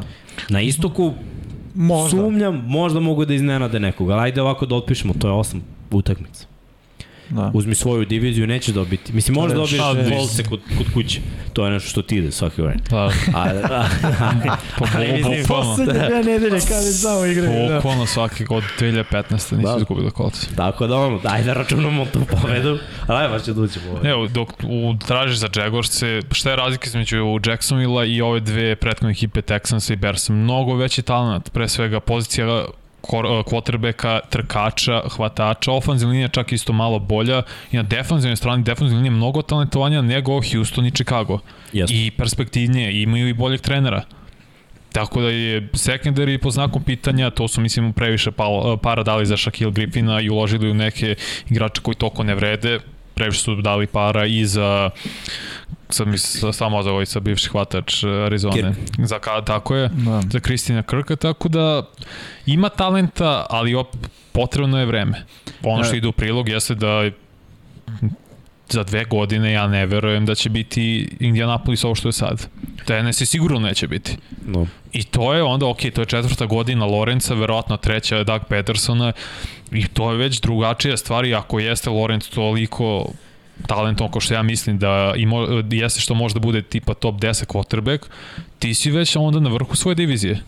Jer i sa Kepom ti je mnogo bolja situacija, jer realno i ti ugori kao što si dao Christian Krku će biti, mnogo, će biti smešni i tada, Tako da Jackson ima popriličnu lepu perspektivu i budućnost. Slažem se. I ja mislim da ima i trenera koji je pravi za ovaj posao. Posao je težak, ali ima da. i trenera koji to može da izgura. Ne ove godine. Gledaj, on se izduo. Baš, baš sam gledao i tu malo priču o njegove porodice. Godinu dana s porodicom da presečeš, a toliko si dugo u trenerskom poslu. Rekli smo šta rade treneri u NFL-u. Ti bre koordiniraš mnogim, ne samo igračima, trenerima i igračima danonoćno. Ti ono, da. spavaš par sati čuli ste šta, vi ste čuli šta pričaju ljudi koji su bili na koleđu. Da. Na koleđu, ej. Ustaju u 5 ujutru, da li ono, legnu u 11, 12. I čućete šta priča Sandro. Tako je. Njegov raspored. Ko je jedan igrač. dan igrača u NFL-u. A zamisli šta je zadatak jednog trenera koji mm. mora i da pazi, i da gleda, i da pravi plan, i da koordinira, da drugi izvršavaju njegov plan i njegov sistem, njegov program. To je jako teško. Tako da ono, Yes. zadatak, mislim da je spreman za ovaj zadatak, mislim da je željan ovog posla i ovog zadatka. A što se tiče Jacksonville, pazi, pazi. oni mogu da iznenade neke ekipe, oni na samom startu sezoni imaju imaju Washington uh mhm. -huh. i Colts kod kuće ono, krenu 2-0. Ej, kolci kod kuće su imali ono, Pazi, redovno ili 0-2 ili 2-0. Ono. Da, je, moram sam spomenuti, mislim, meni najveći dolazak bi potpisivanje bio Brandon Scherf, baš iz Washingtona, guard koji je bio pro bowler godinu i godinu unazad i e, odma veliki plus za ofenzivnu liniju. Imaš nekog yes. ozbiljnog profesionalca koji zna da igra na visokom nivou. I verujem da će to i značiti iz ove Javon Taylor, tackle, Walker, čini se da se isto zove sa Stafforda, sa Stanforda, pardon, ofenzivni tackle koji su draftili pre nekoliko godina, ima tu sklapa nečega. se ekipa, sklapa Tako se je. ekipa. Plus imaju neku konekciju, znaš, uh, Lawrence Etienne, znaju se s koleđa. Tako je, tako je. Lawrence Marvin Jones, znaju se od prošle godine, videlo se da je to ta konekcija. Chenault isto. To je, naš, jedna od opcija ima. Mo, može to da bude ok priča. Uh, treća nedelja, Chargersi, posle toga Eaglesi, to je već ono, pom, i uh, obe utakmice su na strani. Da. Sumnjam. Teško, Onda idu da. Texansi. Smo im dali dve na početku? Pa nisam im dao, ali ajde da kažemo maksimum, jedno. dajemo maksimum. Dobre, ajde, neka dve, bude ajde, dve okay. maksimum. Onda imaju Texanse, da kažemo da, da mi je realna priča da podele sa Texansima. I da. to je neko moje viđenje. Ako mm. budu bili bolji, onda smo se ogrešili i zaslužili, ali realna priča trenutno pošto sam video njihovu jedinu predsezonsku utakmicu, nije to dobro. Uh, nakon toga idu kolci u Indianapolisu, teška priča. Da, uh, Giantsi, Broncosi, Raidersi, mislim jer smo videli pola Raidersa šta im je uradilo. Uh, da. Chiefsi, teško. Pa ide bye week. U dobro vreme u 11. nedelji. Lepo vreme tamo. Možemo da kažemo da je to skroz ok. Ja. Pa, ok, mislim da njima ne vredi bye week ništa no. u, u ovoj godini. Nakon toga, i, pazi, idu Ravensi. Teško. Pa idu Lionsi. Ok. Titansi, Cowboysi, Jetsi, Texansi i opet Titansi. Pa šta vidimo tu? Max 5. 5. Tako Max. oko 5. Da. 5, možda 6. A optimum možda 6. 3. Misliš minimum? Ne, optimum. Da, da, pa, to je ono što je, je realno, realno, realno. Ovo je plafon. Da, Neće imamo to. totalno drugačije značenje, reći meni optimum znači maksimalno kao. Ne, znači, pa šta je maksimum ako je optimum maksimum? Kao optimistički kad gledaš, optimalno, znaš. Aha. Pa ne, optimalno, optimalno. a ne, op, ne optimistički, nego optimalno. A, okej, okay, okej. Okay. Optimalno. Mnogo je amerikanac postao. yes, Vanja, apsolutno. all the way. All the way. all the way. znači, on, pazi, prošle godine smo imali tri pobjede. Važno ga kritikuo što sve pišemo ovako po američki, engleski. Jackson. Da, brate, ima to da počne da se piše Jacksonville, New York. E, ja, dobro, ovo je gramatički ispravno. Znaš, možeš da biraš jedno... Ma ne da, znam, da. nego hoću da kažem ali, ali, da, da moramo malo, moramo malo poguramo ono, Da. Maternji. To. O, ali hoću kažem, dobar je naslov, novi zraci optimizma. Jesu zraci optimizma definitivno. Jesu, tako je. Da. Pa, gledaj, ali kao odnosu... i svi prvi zraci, ja. i dalje je to hladno. Baš, sunce, ali mora obući duks. Tako je. Ništa, ajde, ajde, idemo dalje. Hoćemo dalje, ja. a? Vanja, ja. mislim da došlo nešto. Ej, da, to, to. Da, ništa, ne vidim. Kaži, kaži sad, ajde. Gde smo ih stavili, ajde, ajde. počitaći to. Znači, gde smo stavili svi... Uh. Jackson, stvari ne, to sam rekao, ne, koga smo stavljali na 30. mesto? Uh, Miksa Jacksonville, Don Pablo Chicago, Erceg Seattle, uh, Vanja Karolinu, ja Jacksonville i Srki Jacksonville. Dobro, Jacksonville 3 od 6 tu su. A mesto broj 29, to smo već videli, Detroit Lions i mladi lavovi Rič, ono. E, pa, oni su na Hard Knocks. Da. Biće baš zanimljivo Biće... i ultra zabavno gledati i Dan Campbella šta radi njegove sve te fori fazone, ali meni se Detroit mnogo sviđa, ja sam ih stavio 25, mislim da stvarno imaju skriven potencijal, da, obožavam ofanzivnu liniju njihovu, mislim da mogu da imaju dvojicu, trojicu pro bolera, tu već su imali prošle godine, defanzivna linija sad sa Aiden Hutchinson još uh, talentom koji je bio skupljen prethodnih godina, isto je mnogo, mnogo dobro hvatači, znak pitanja ima potencijala, trkači su ok do nekle, da je Andre Swift predvođen njime, vidjet ćemo, naravno, najveći znak jeste Goff i kako, na šta će to da liči.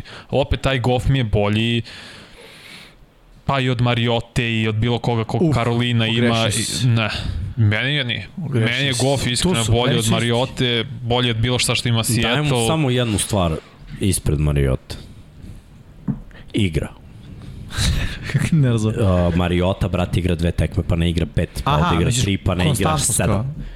Goff je igrao ono s povređenim palcem, Goff je igrao je, brate. Igra loše, ali je tu. A, dobro. Znaš, ono, da. ono, bar je tu, što si ti rekao, ono, ne znam da nije tačno, ali je brzo. da, da. A, znaš, ono, a možda se osloniš na njega. Tako je. I, i to je bar, znaš, ti Mariotu, šta možda se osloniš? On nijednu sezonu nije izgurao do kraja. Da. Nikad. I ušao je jednom kao backup kad se Kar povredio, povredio si on. Tako. yes. To prati. Prati trener. Razume, to je meni ono. Na, naj, I razlika problem. između ostalih timova jeste ta jačina stvarno ofenzivna, oni će čuvati Gofa. I Goff nije taj koji sada poludi, a ja ću sad da trčim odjednom iz nekog, on će ne, ostati ne, ne. u džepu, bacit će u aut kad je potrebno, neće da primi nepotreban udaraca. Znaš. Dobro, okej, okay, upravo si, mogu da vidim da je Goff bolji od Mariota. Stvarno, dok Mariota ima momenti kada bi zašli bolji atleta i sve oslanja se, ok, ja možda mogu ovo da prođem, pa bam, bude povređen. I opet ta ofanzivna linija uh, Atlante je ogroman znak pitanja, dok Dan Campbell razvija tu fizički igru, taj fizički futbol. Mi ćemo njih da prebijemo i tako ćemo biti bolje. Pazi, ne bi, moram, sad jako ne gledam u prošlu godinu. Nekako mi je prošla godina, koliko Detroit je bio manje talentovan prošle godine. Ti igra su Eagles Baltimore, za malo da ih dobio. Taker je 6-6 yardi pogodio. Izvukli su produžetak sa Steelersima zato što su banda raspuštena. Inače su mogli da dobiju i tu utakmicu. Bilo je bar još 3-4 koji su mogli da dobiju. A imali su, su 3, 3 na 7. Tako da ono, šta je meni bio problem prošle godine, nisu znali da završe. Da li će znati ove godine, ne znam, ni njima nije lak raspored. Njihova divizija, odmah mogu da kažem da ono, Minnesota i, i Green Bay im ne leže, bar ovako kako ja gledam. Može da se desi, prošle godine su dobili Minnesota. Dobili su da Green Bay, Green Bay pa kad su igrali s rezervistima, jer su bili prvi u NFC-u, to, to mene zanima. Ali ove godine igraju protiv istoka NFC-a. Istok NFC-a, znaš, pogledam, možda bi, znaš, na neko čudo, na neko ludilo, Washington Giants i to su dve ekipe koji su isto znak pitanja. I, i bukvalno i otvaraju slično. Prvo igraju protiv Eagles, sumnjam. Znači, protiv Eagles, mislim da su Eagles ono playoff tim koji će da, do, ono, da dođe i da reši. Druga je protiv Commanders. Može. Da, kažemo ono, nije, nije nemoguće. Treća je protiv Vikingsa, četvrta protiv Seahawksa. Prilika. Seahawksi su isto ove ja, godine. Samo zadržim na Washingtonu. Prvo neće igrati Chase Young. Neće, tako je. Washington izgubio šerfa. Da. To je malo i sad i gubitak za Washington što tiče talenta. Pitanje je Carson Wentz kako će se uklopiti u novo. Izgubili su na poziciji quarterback, mislim. Ne znam, pa tako je, ne znamo da, kako ne će znamo, biti Washington realno još na početku, to može da bude ono... Mada Wentz dobro otvara sezon. Ozbiljno. Ne, ali otvorio sa Frank Reichom, s kim je bio i u Eaglesima, imao istoriju. Da. Sad ide u Washington gde... Nema veze, ali ima Rona Riveru, mm. znaš. Ako neko ume da napravi game plan za kotare kojeg ima, ja verujem da je to Ron Rivera. Vidjet ćemo. Mislim, jedan od. Prema što nastaviš raspravu, ono razlika između, na primjer, uh, Detroit i Houston. Detroit je draftovao talent ogroman. I Hutchinson i Jameson da. Williams, to je pun po, to, to će biti puni pogodci na draftu i po, pozicija hvatača, edge rushera. Da. Gledaj, imaju imaju neko zalaganje, neko ludilo koje drugi timovi koje smo nabrali do sad nisu imali. Koliko su samo utakmice izgubili na posled prošle godine? Ma, nije što je posled, nego što je tri. To je Da. field goal. Upravo to. Bar da je znaš ono, posle pa kažeš touchdown, pa možda je bilo dva touchdowna razlike, Tako stiglo. Brate, oni su vodili i gubili ono, protiv Baltimora su imali pobedu. Tako je. Pa je Oni, bio onaj diskutabilni četvrti down i onda ovaj pljasno rekord u istoriji NFL-a. Mislim, znaš, Ne možeš puno protiv ne ide, ne ide, nemaš protiv toga. To. Da, da. Ali hoću da kažem, imaju dobre osnove za ovu godinu. Tako da te gde smo mi 50-50, ja bi to njima pisao pobedu ove godine. Dobro, evo, Patriotsi, peta nelja. Teška priča. To je teško. Pa ide bye week, opet rano, šesta. Da. Pa ide sedma Cowboysi, pa, Ja bi tu rekao da. pa idu Dolphinsi, pa idu Packersi, pa idu Bearsi, Ok, to je već četiri, jel? Se pa idu Giantsi, Može To pet. isto- pa idu Billsi, Ne može. pa ide Jacksonville, Može. Šest. pa idu Vikingsi, Ha. pa idu Jetsi, pa ide Carolina, idu E, Bearsi, Carolina. završavaju sa Packersima. Nije Znači, to, na- nije toliko tu težak 8-9. raspored, Da, znaš. nije Imaju jako lak raspored. raspored Da. i da kažemo ako smo nalupali ovde nekako 8-9. 8, Kaže šest. realno mi je Za Pa, NFC, da kažemo to je da je- borba da je- za playoff. Da, da je realno, ja ih vidim oko 5, 5, Ja 6. rekao tako. Vidi, šest. ukoliko bi oni uspeli Minnesota da pobede, barem jednom, e, da Chicago pobede oba puta, to je Pa već... moraju da dobiju Chicago oba puta, to Da. im je, To mora za početak, apsolutno. Ali hoću da kažem, to je već scenarij Nije za playoff njihov. Plus imaš Karolinu, imaš Jetsa, znaš, taj NFC istok. imaš Karolinu, imaš Jetsa i ono što ti je još dobro što imaš Giants, Commanders, Seahawks, Seahawks su isto, da, da. znaš. Da, ima, ima, kažete, ima tu... Ima, Sad, ima, ma, i Seahawks imaju. Da, Pa to ne ti možeš, je ne već, možeš znaš, znaš, da im pripišeš baš ne možeš sve, ali, je ono, što ja raspored kažem, poprilično zadovoljavajući za njih. Pa da, to im ide na ruku. Gde smo ih stavljali, Jim? E, da, samo da kažem, prošle godine su imali tri pobede samo. Da. Ali više šansi, dosta šansi za, za pobedu. E, Detroit, ovako, gde smo ih stavljali? Srki ih je stavio na mesto broj 28, ja na mesto broj 29, e, Vanja na 25. mesto, Dom Pablo na 31. Uh, Miksa na 28. I, i, i, i, i tu ih isto stavio i Erceg a konsenzusu smo ih stavili na 29. mesto. Inače, koga smo stavili na 29. mesto? Erceg Jacksonville, Miksa Jetse, Don Pablo Houston, Vanja Jacksonville, ja Detroit i Srki Chicago. Dobro. Onako, najbolje pozicija 25. ovo što ih je Vanja katapultirao. Ali A- zato i Don Pablo spustio na 31. Da, 31. Tako naj, da najgore to- mesto. Ali svakako donji kvartal. Mislim, mislim Pa da smo jest. svi nekako ove, ovih poslednjih osam ekipa smestili u poslednjih osam mesta. Da nije bilo iskakanja. Čini mi se. Mislim da nije, da. Ja mislim isto da nije bilo. Pa pazi, samo gore na vrhu je bilo diskutabilno, ali doći ćemo do toga. Možemo dalje. Naravno, ovo u sredini je najzanimljivije. Da, da. To. Od To 25. bomba, da. do 9. To je ludilo. Dobro, da, mislim da možemo dalje. Mesto broj 28, Atlanta Falcons. Ja mogu da kažem zašto sam ih ocrnio. Prošle godine su bili jako dobri s Mattom Ryanom. Ja jako poštujem Matta Ryana. Mislim da je Matt Ryan jako pocenjen quarterback. 4000 yardi je Stalno. ono dobro jutro čovjek ustane i to je to ono. Da, na, na ovoj utakmici bacam 300 400 yardi. Mariota je pitanje da će igrati celu ovu Tako sezonu. To, to je moje najveće pitanje za Atlantu. To, drugo, ajde da kažemo, ako uzmemo obzir hvatačke opcije, trčanje, sve je to bilo pod znakom pitanja i prošle godine, talent, talent rostera je bio pod znakom pitanja prošle godine, ali je Arthur Smith nekako izneo to s dobrim game planom, ekipa je bila ok vođena, oni su mene apsolutno iznenadili prošle godine ali u napadu se videlo tačno. Zašto je Pic imao ovakvu sezonu? Brate, lopte su bile ono, teledirigovane. Sve ide da treba. Nisam siguran da Mariota može to da uradi. Možda grešim, možda ono podcenjujem Mariotu, ali ono što sam ja vidio od njega u NFL-u je meni bilo jako loše. Uh, iza njega je Matt Corral, je tako? Ne, ne, Korali u Nije. Karolini. Corral je u Karolini. Ovdje je Rider. Ri, De, da. Desmond Rider, Desmond da. Desmond. Sa Meni se Cincinnati. on sviđa.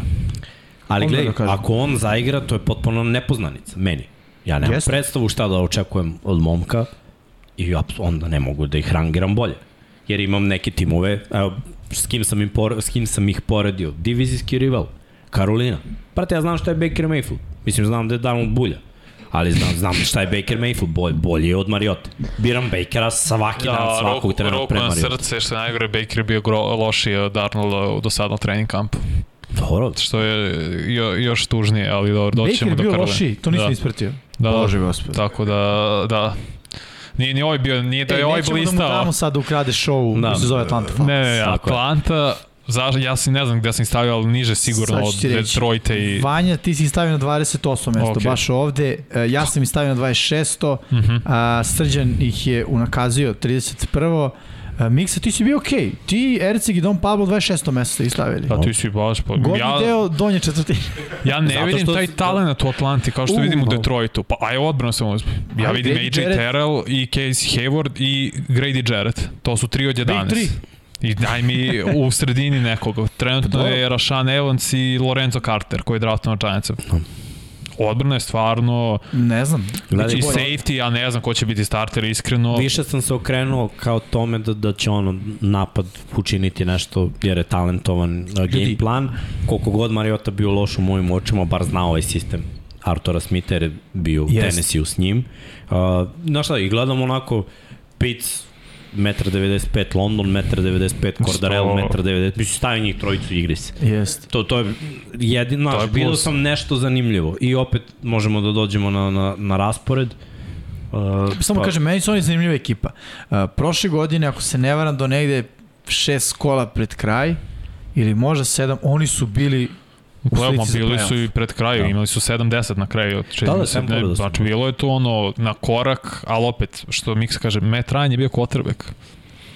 Velik, velika Pa, jeste. razlika. Ne, ne, istina, ali mislim da oni neće ići u smeru Uh, znaš, nisu oni prošle godine ni bili toliko uspešni aj sad ne mogu da se držim tačno za, za brojke Meta Ryana, ali ono što je meni u glavi je Cordarel Patterson. On je bio čovek zbog koga je Atlanta pobeđivala. Mislim, on kad je bio povređen, to se znao da oni neće pobediti. Jasno. To je bio no-brainer. On kad igra, šansa postoji. I čak i u teškim mečima, čini mi se protiv Patriota su igrali. Dobro je bilo. I oni počeli jako vrhunskih- dobro.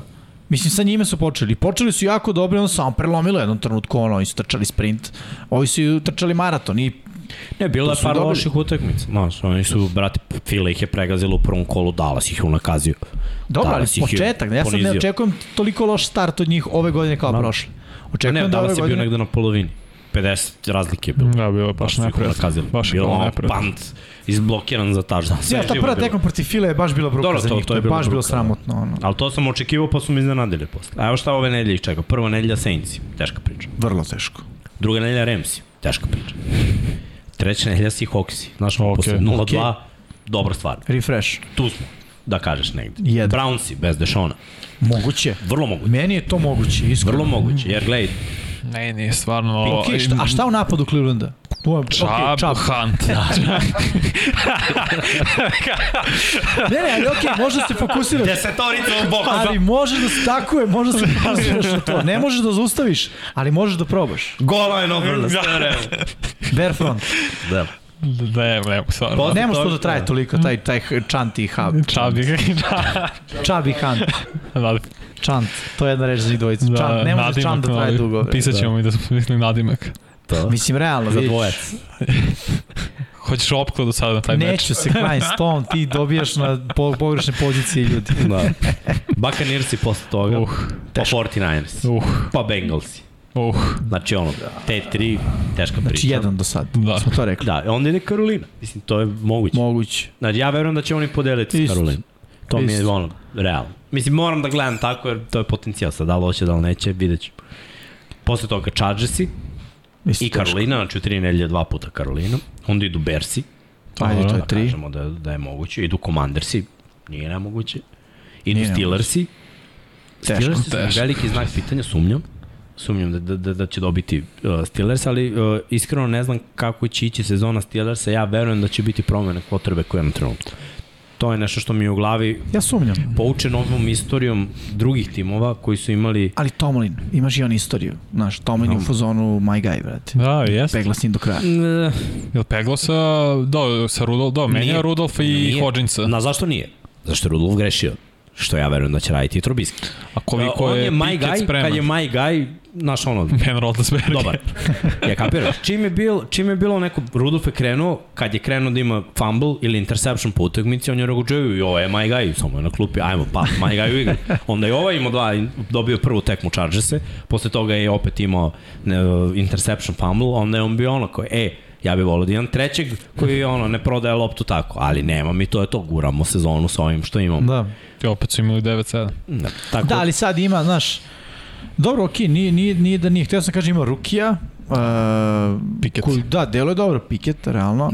Ali mislim da Mić uzima, Trubisky, mi će krenuti, pa kako vidi, bude išlo. Trubisky će biti dobar. To je moje očekivanje u, u Steelersima. Mislim da će biti dobar, jer prvi put će biti, mislim nije prvi put, u bilo svima prošle godine, on kad je imao oružja, bio je dobar. Okej, nije bila be, be, bitna utakmica, ali je bio dobar. Ja, je bila rešena Evo, utakmica, pritisak bold nula. prediction. George Pickens, ruki hvatač, će imati najviše uhoćenih yardi od svih ruki hvatača ove godine. Pa dobro, nije to ni, ni toliko bold, mislim. Pa i dobro, ima, dobro, ima Drake, koje evo beše ti runde? drugi. Evo, Drugi. tu ti je Drake Da. London, tu ste i koliko izbrano Da, hvatača, jeste, pet. jeste, pravo si.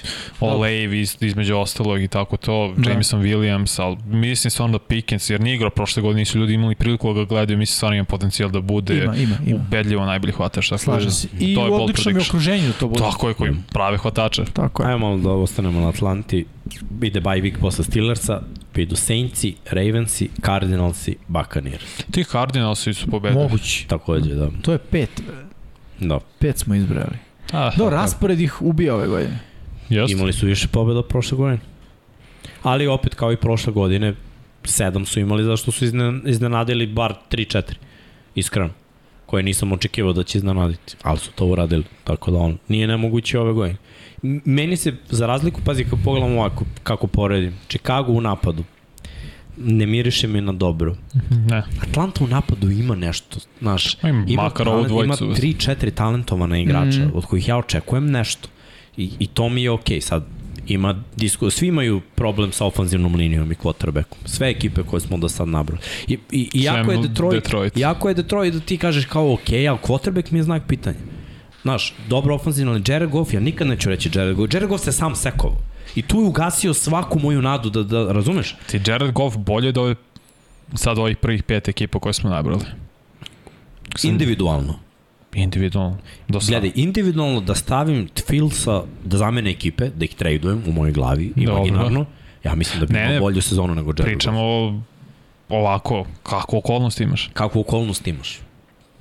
Ne znam, nisam siguran. Meni jeste. Znaš, Meni Šta siguran. ima u Detroitu Jer mi prošle porađeno? godine nije dokazao dovoljno. Kad je trebalo. Opet, Mhm. mi nije, opet je bio choke kad, kad nije trebalo. Razumeš? Uh, Fields je bio u lošoj situaciji prošle godine. I Ne sad je u gore, kako- što je da. najgore. Ne znamo kako je ove, ove sezone. Mariota je ono, mislim, vodio taj tenis i u play-off, koliko god da je igrao, nije igrao, kako god da je bio loš, ima mnogo goru situaciju nego Goff u Remsima, kakav će da Ako bude se sad, ne znam, Sam seko, Mariota sam se i bacio pas. za touchdown. Za touchdown. U play-offu. Eliminu su Chiefse da. u play-offu. Da, to su Chiefs i Alex Smith. A su Chiefs. Crveno-beli. Da. Šta znam, šta znam. Šalim se. Uh, Možemo, možemo da, da, da idemo, gde smo rekli ko je gde bio stavio. Uh, ja sam rekao, ne, nisam rekao, da. Atlantu smo najviše stavili na 26. mesto, to je in- interesantno. Uh, Erceg, Miksa, Dom Pablo i ja stavili smo Atlantu na 26. mesto, ali Vanja na 28. i Srki na 31. mesto. To O. ih je poguralo na dole, na ukupno na 28. mesto. Uh, gde smo, da, gde smo ovaj, stavljali inače, a ne, promašio sam, ok. Na 28. mesto smo inače stavili ovako, Erceg Miksa su stavili Detroit, Dom Pablo Seattle, Vanja Atlantu, ja Jetse i Srki Detroit. Eto, u odnosu na ono što smo do sad videli, Srki je Atlantu stavio niže nego Detroit. To je onako. Ja sam isto, ja sam kažem. Meni je Detroit ti je 25. Da, da. No. Da, tebi Detroit, tač, tač, tač. Svima ostali nam je Atlanta ispred Malo, eh, malo bolji utisak. Jeste. I mislim da, da ovaj, ofanzivni um Artura Smitha malo više ceni. Možda, znaš, to, to je ne moram da, ne mora da znači da, da ima nikakve veze, vrlo Da. lako može Campbell svojim, svojom energijom da bude, onda postagne ekipu da bude bolja Nije nego ovaj svojom strategijom, Da. ali videli smo prošle godine da strategija ipak pali, čak i kad imaš mnogo manje talenta, jer ono, ipak je to ono šakovska. Znaš, Porter napravi jednu grešku, ti imaš mm. -hmm. dobar game plan. S druge strane, ono, ajmo, nekad ne pali, znaš, ne, nekad ajmo ne Da, može da kroz ide. Znači, ok, ajmo dalje. Na poslednje tri ekipe iz ovog uh, poslednjeg uh, kvartala. Dole, mesto broj 27, Srkijevi New York Jetsi. Samo zato što je AFC kart talent im je bolji Mnogo. od svih ekipa koje smo nabrali ovde na dnu. Iskreno, to, to je moje mišljenje. Talent kad pogledam, ono, imaju Jezivo, da. jeziv talent na svim pozicijama. Pa jeste, ali Sad- sve sad je to puni. work in progress. Jesu, svi su klinci, ali, brate, ima ne mnogo može igrača. stvar. Znači imaju i neke iskusne igrače koji su ono bili, da kažeš, neki pro bowl kalibar, ono. Uh, prvo, ajde da krenemo od defanzivne linije. To su sve pikovi prve runde i 49ersi koji su igrali sa, sa, sa Salahom u mm -hmm. 49ersima. Znači, već su igrali playoff velike utakmice, imaju dobar pritisak, znaju sve. Počnemo od talenta, tu, tu su mi dobri. Treba samo da napravim, Jermaine Johnson sad draftovan, Solomon Thomas, Carl Lawson, to su ti, nek, to su ti tri defanzivna edge-a. Zatim imaš Sheldon Rankins, imaš ovog što se, Kwon Alexander je potpisao isto za njih. CJ Mosley Tako je, ovaj, uh, Quinn Williams isto Da. da. koji je draftom bio pre par godina na trećem mestu, si to je Mm -hmm. ozbiljan, ozbiljan, tamo što si rekao CJ Mislim, Mosley. govorimo na papiru. Na papiru, da. Da. ovo je u odnosu na ove druge ekipe scary. Da. Ovo, nabrojao je sedam igrača, znači on ima front seven, ovo da bude što je nabrojao, ve, već je respektabilno. Igraju u AFC-u i istok je krcat i znaš, ono, igraju sa severom, sever je krcat, neće biti lako, ali talenat je donekle tu. Defanzivni bekovi, ono, džene, džene, tu i tamo, mislim, s razlogom su ovde, gde jesu. Okrenemo ofanzivno. Gurnuli su ofanzivnu liniju posle 10 godina. Mm. Znači, krenulo je ono, prvo su krenuli s Becktonom, pa prošle godine, Elijah Vera Tucker. tako je, pa ove godine. Laken Tomlinson je Malo- uh, potpisan iz 49ersa, Tako. guard. malo po malo guralo su u ofanzivnu, pa su malo pogurali u poziciju tight enda i hvatača, doveli su Corey Davisa prošle godine, CJ Uzoma došao ove godine, pa su draftovali. Draftovali Elijah Moore, Garrett Wilson, mislim, To su ono, sve I rani beko izgledaju dobro. Beko. Running potrebe backove, ekipe ruki da. koji ono, mora da sazreva, mora da uči. Stavljen je u tešku situaciju, ali je stavljen u dobar program sa minimalnim očekivanjima. Imaju, da kažemo, i, i, i solidnu, ono, solidnu dubinu na poziciji mm. running backa. Opet su draftovali dobro i ove godine. Je tako kod njih je ovaj Ko je Brice Hall? Brice Hall. Brice Jeste, Hall i prošle je godine opasan, Michael da. Carter, Da, mislim. Carter o, igra da. lepo prošle godine. Tako da Jeste. ono, imaju dubinu, po mom mišljenju, na svim pozicijama, ali igraju u jako teškoj diviziji i, i, i ono, neće im biti lako, ali ako gledam talent, ako gledam samo papir, jer ono, nisam gledao raspored svake ekipe, malo su bolje od ovih timova. Ajde kad kažeš raspored da pogledamo raspored. Ajde. Kako kreću i sa kime Pa nek, ukrštaju. kre, prvi utakmici idu protiv severne divizije. To je pr- Ravens i prvo kolo. Da. Nema šanse. To je baš kako. Da, drugo kolo Brownsi. Mislim, ne, Moguće. ako ne igra Dešon, Tako Da. da. ko zna. Treće Steelersi. Opet ne znaš. Pa, Ne nije mi znam- nemoguće, ne znam ali mi na je što će teško. da liče Steelers. teško. A, odbrana Steelersa znam na što će to liči. Tako je to. Kao i Pa, kao Harris. Za, za, Zeka Wilsona. Znači, da. ono, Jest. a, Ajde kažemo jedan onda za sad i dalje. Dolphinsi. Previše talenta. Jest. Imaju i Dolphinsi. Novi sistem. Ali to je sve. divizija, znaš, Jeste. moguće mi je da oni podele. Ja ne bi Dolphins se tako visoko doživljavao. Obično ekipa koja se hajpuje nikad ne, ne doživi hajp. Moguće. Browns pre dve godine. Dobro, u Brownsi Prošle nisam verovao da... Istina. Pa dobro, prošle godine su i bili... Pa ne, prošle godine su bili hype bili Jo, su jest, u da, dra, bili u play-offu i onda kao, ok, idemo na diviziju, pa onda Da. ne, ide to I tako baš. crc. Mhm, Packersi. Baš Nakon toga. Nemoguće. Broncosi. Nakon toga. Patriotsi. Nakon toga. Billsi. Nakon toga. Čutimo, a? Bye week 10. nedelja. Pa ok. Pa opet Patriotsi. Aj, aj. Pa Chicago. Dobro, dva. Uh, posle Chicaga ide Minnesota. Nije nemoguće. Pa Billsi. Onda, Dobro. pazi ovaj stretch. Ovo je ono, potencijalne tri pobede stretch. Lions i Jacksonville, Seattle. Realno. To je šest Sve sigurno. odjednom. I Dolphins je za kraj. Najveći problem stvarno Jetsa jeste ta divizija i AFC generalno. Oni da su u NFC-u, za mene njih i Giants, pošto su iz New York obe ekipe, Bolja, mnogo bolja bolje, priča. mnogo Mhm. bolje priče. jer Stvarno Jetsi, Commandersi, e, Cowboysi, možda vas pobedi. da, S njihovim talentom. stvarno talena Jetsa na papiru, makar i napadu, je toliko popunjen kad pogledamo svih osam poslednjih ekipa i ekipa koji imamo, oni imaju ubedljivo najviše talenta. Znači, I- odgovor na pitanje ko je talentovani u Njorku? Pa Jetsi. Jetsi. Mali, mislim, Ja i sam- opet Giantsi, što je najgore, stvarno imaju Coaching staff. vrlo sličan talenat i možda poreš i hvatače, running backovi isto i defensivnu liniju donekle, ofenzivnu liniju su isto uložili i u uh, Tomasa i sada u Nila, znaš, i Giants imaju talent, ali oba tima za sad imaju problem quarterbacka. Nemaju Jetsi nužno problem, nego prosto ne znamo šta je Wilson još. Ovo je tek druga godina, dok Danny Dimes znamo šta i Boga pita šta će to biti. E, ali pitanje je šta znamo o Danny Dimesu s obzirom da tek sada ima Briana Dable-a, znaš. Da kažemo ozbiljno quarterback uma. Tako je, ne samo to, nego i čovjek koji ume da razvija. I još jednom, zaista ostanite do kraja i poslušajte intervju sa Sandra Platzgumerom koji je isto i to istakao. Miksa ga je pitao za razliku, koja je razlika između Dable-a i prethodnog sistema i on je rekao i to da u suštini neke stvari Dable olakšava igračima. I mislim da i to može da, da bude veliki plus. Pa da, pa nema to onaj pristup, znaš, kad trener loša si ekipa i treneri ponekad misle da će samo taj agresivni pristup da donese nešto, A velika neće, energija. Da. Nije uvek. Znaš, uh, ako igraš tehnički loš, ti možda vičeš na njega kako hoćeš, on da. neće tehnički da bude dobar. Da. Mora ga naučiš bolju tehniku. Da, tako je. Znaš, i, i nekad nije bolja tehnika, ili, ide glavom kroz zid. Tako, ili ako mu daješ previše na, na, na tanjir ispred njega, ne može to da, da konzumira. Moraš da mu daš manje a to je tvoje da vidiš. Očigledno to prethodni Tako coaching staff nije mogao da uradi. Dable, ja bih rekao da je dobar u tome. I zato mislim da će Daniel Jones biti bolji. Mada sam to mislio i prošle godine. Da, pazi prvo četiri pika uh, Jets. Bio je prvo Sos Gardner, cornerback, no. Da. brutalan. Starter. Bio je Garrett Wilson koji će startovati na poziciji hvatača. Jermaine Johnson će vrlo verovatno u jednom momentu Rotacija. biti edge startera, rotacija na početku i Brice Hall running back starter. Da, da, ne, ne, brutalno. To je stvarno mnogo, mnogo talenta u poslednje dve godine koji su oni draftovali i potpisali. Za džabe. Da. Jeste. Mislim, I dole ono što je Miksa i rekao, tipa Corey Davis, nije njihov, pa, da, da, Corey Davis je skido prošlo. Do, da, doveden talent. Njihov, nisu ga draftovali. Draftovali su prošle godine Elijah Mura koji yes. leti. Gledaj, ti kad pogledaš koji njih su skoro sve pikovi prve, druge runde. Dobro, kad si loš godinama. Da, ne, ne, da, čak i ako nisu tvoji. Ako da. si doveo nekoga da, da, da, i on je bio, da. CJ Solomon Thomas bio treći pik, mislim, pre koliko, 2016. Corey Davis isto bio pik prve runde.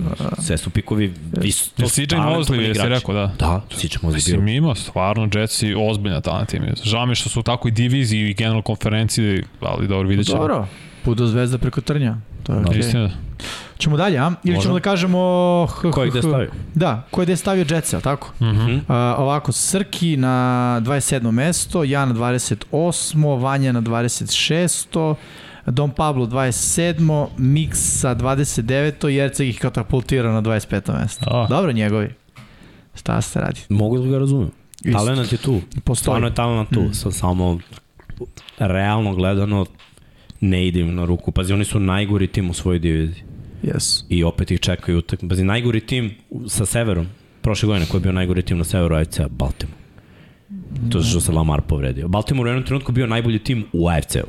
Da, ima 8-3. Da. I, I na kraju su završili kao najgori tim u diviziji. Sad igraju protiv Jets. Znaš, ono umjesto da dobiju olakšicu, da njih čeka ono Baltimore. Mislim, baš ne ide na ruku kad ukrštaš A dobro, to zašto sa severom ukrštio pa zato.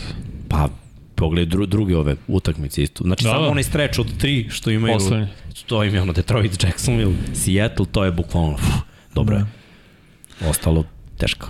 Ok, ajmo dalje. Idemo na mesto broj 26, gde se nalaze Pete Carrollovi Seattle Seahawksi.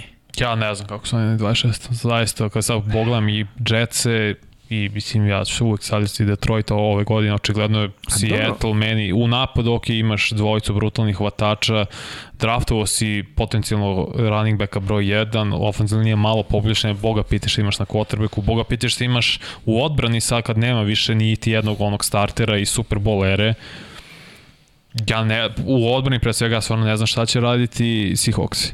I kako ti da izneseš tu diviziju koja je isto brutalna. Jeste. Znači ti šest mečeva, realno možda, možda dobiš Arizonu jedno. Ali ovo ostalo je... Ne znam. Ja ne znam ja na šta će da liči da Gino Smith, iskreno. Oni... Gino Smith? Pa, pa on će biti starter. Mislim, ja ne znam, da, i da je Drew Lock, mislim, borba, ja ne znam stvarno šta da, ka, naš će to da liči. Gledaj, za razliku svih ovih timova koje smo prošli u posljednjih 20 godina, Oni imaju najbolju kulturu. I možemo se složimo oko toga. Slažem se. Oko ovih timova. Jeste. Svi koji smo prošli. Znači, Najmanje su puta menjali trenera. Čija je kultura to? Sada. Ova moderna kultura, da. kultura Pita Carroll. Koja ima uh, važeći dato, jer je ta kultura presela većini igrača iz odbrane. Okej. Okay. Oni su zato otišli. Dobro. Ali vidi, preselo im je ali više. kultura i presela ili ne presela igračima Patriota ta kultura, nisu se neki Niko nije u zadržavali. fazonu, "Woo, bi!" Idemo u Patriota, Mlati nas, brate, hoćemo da se mučimo. Da, niko nije hteo, sad na kraju jesu i Tom i Gronk, niko nije hteo, kad se osvajalo, nije bilo problema, niko nije hteo da ide. Ni, nije baš tako. Nije baš tako. Bili su igrači Ovde je su bilo ono, Randy je, brate, bio deo najbolje sezone ikada Hall of Fame igrač i bukvalno je bio u fazonu pali mi Ali s Randyjem nisi osvojio. Nisi. A ovde, nakon što si osvojio, prvo je bilo pitanje zašto si dao, zašto Linču nije šlo lopta. A To je dobro, prvo, vidi, uvek je neko pitanje. Da. Znaš, Ne, ne. kad ne osvojiš, uvek je pitanje. Ali koje je pitanje to Bengalsima? je legitimno bilo pitanje. Ovo pitanje, re, uh, Bengals su rešili, ofenzivna linija ti bila grozna, potpisi 4 nova startera. Pa, dobro, A onda okej. odbrana se pobunila. A šta da je dao Maršonu Linču i da bio zaustavljen, znaš?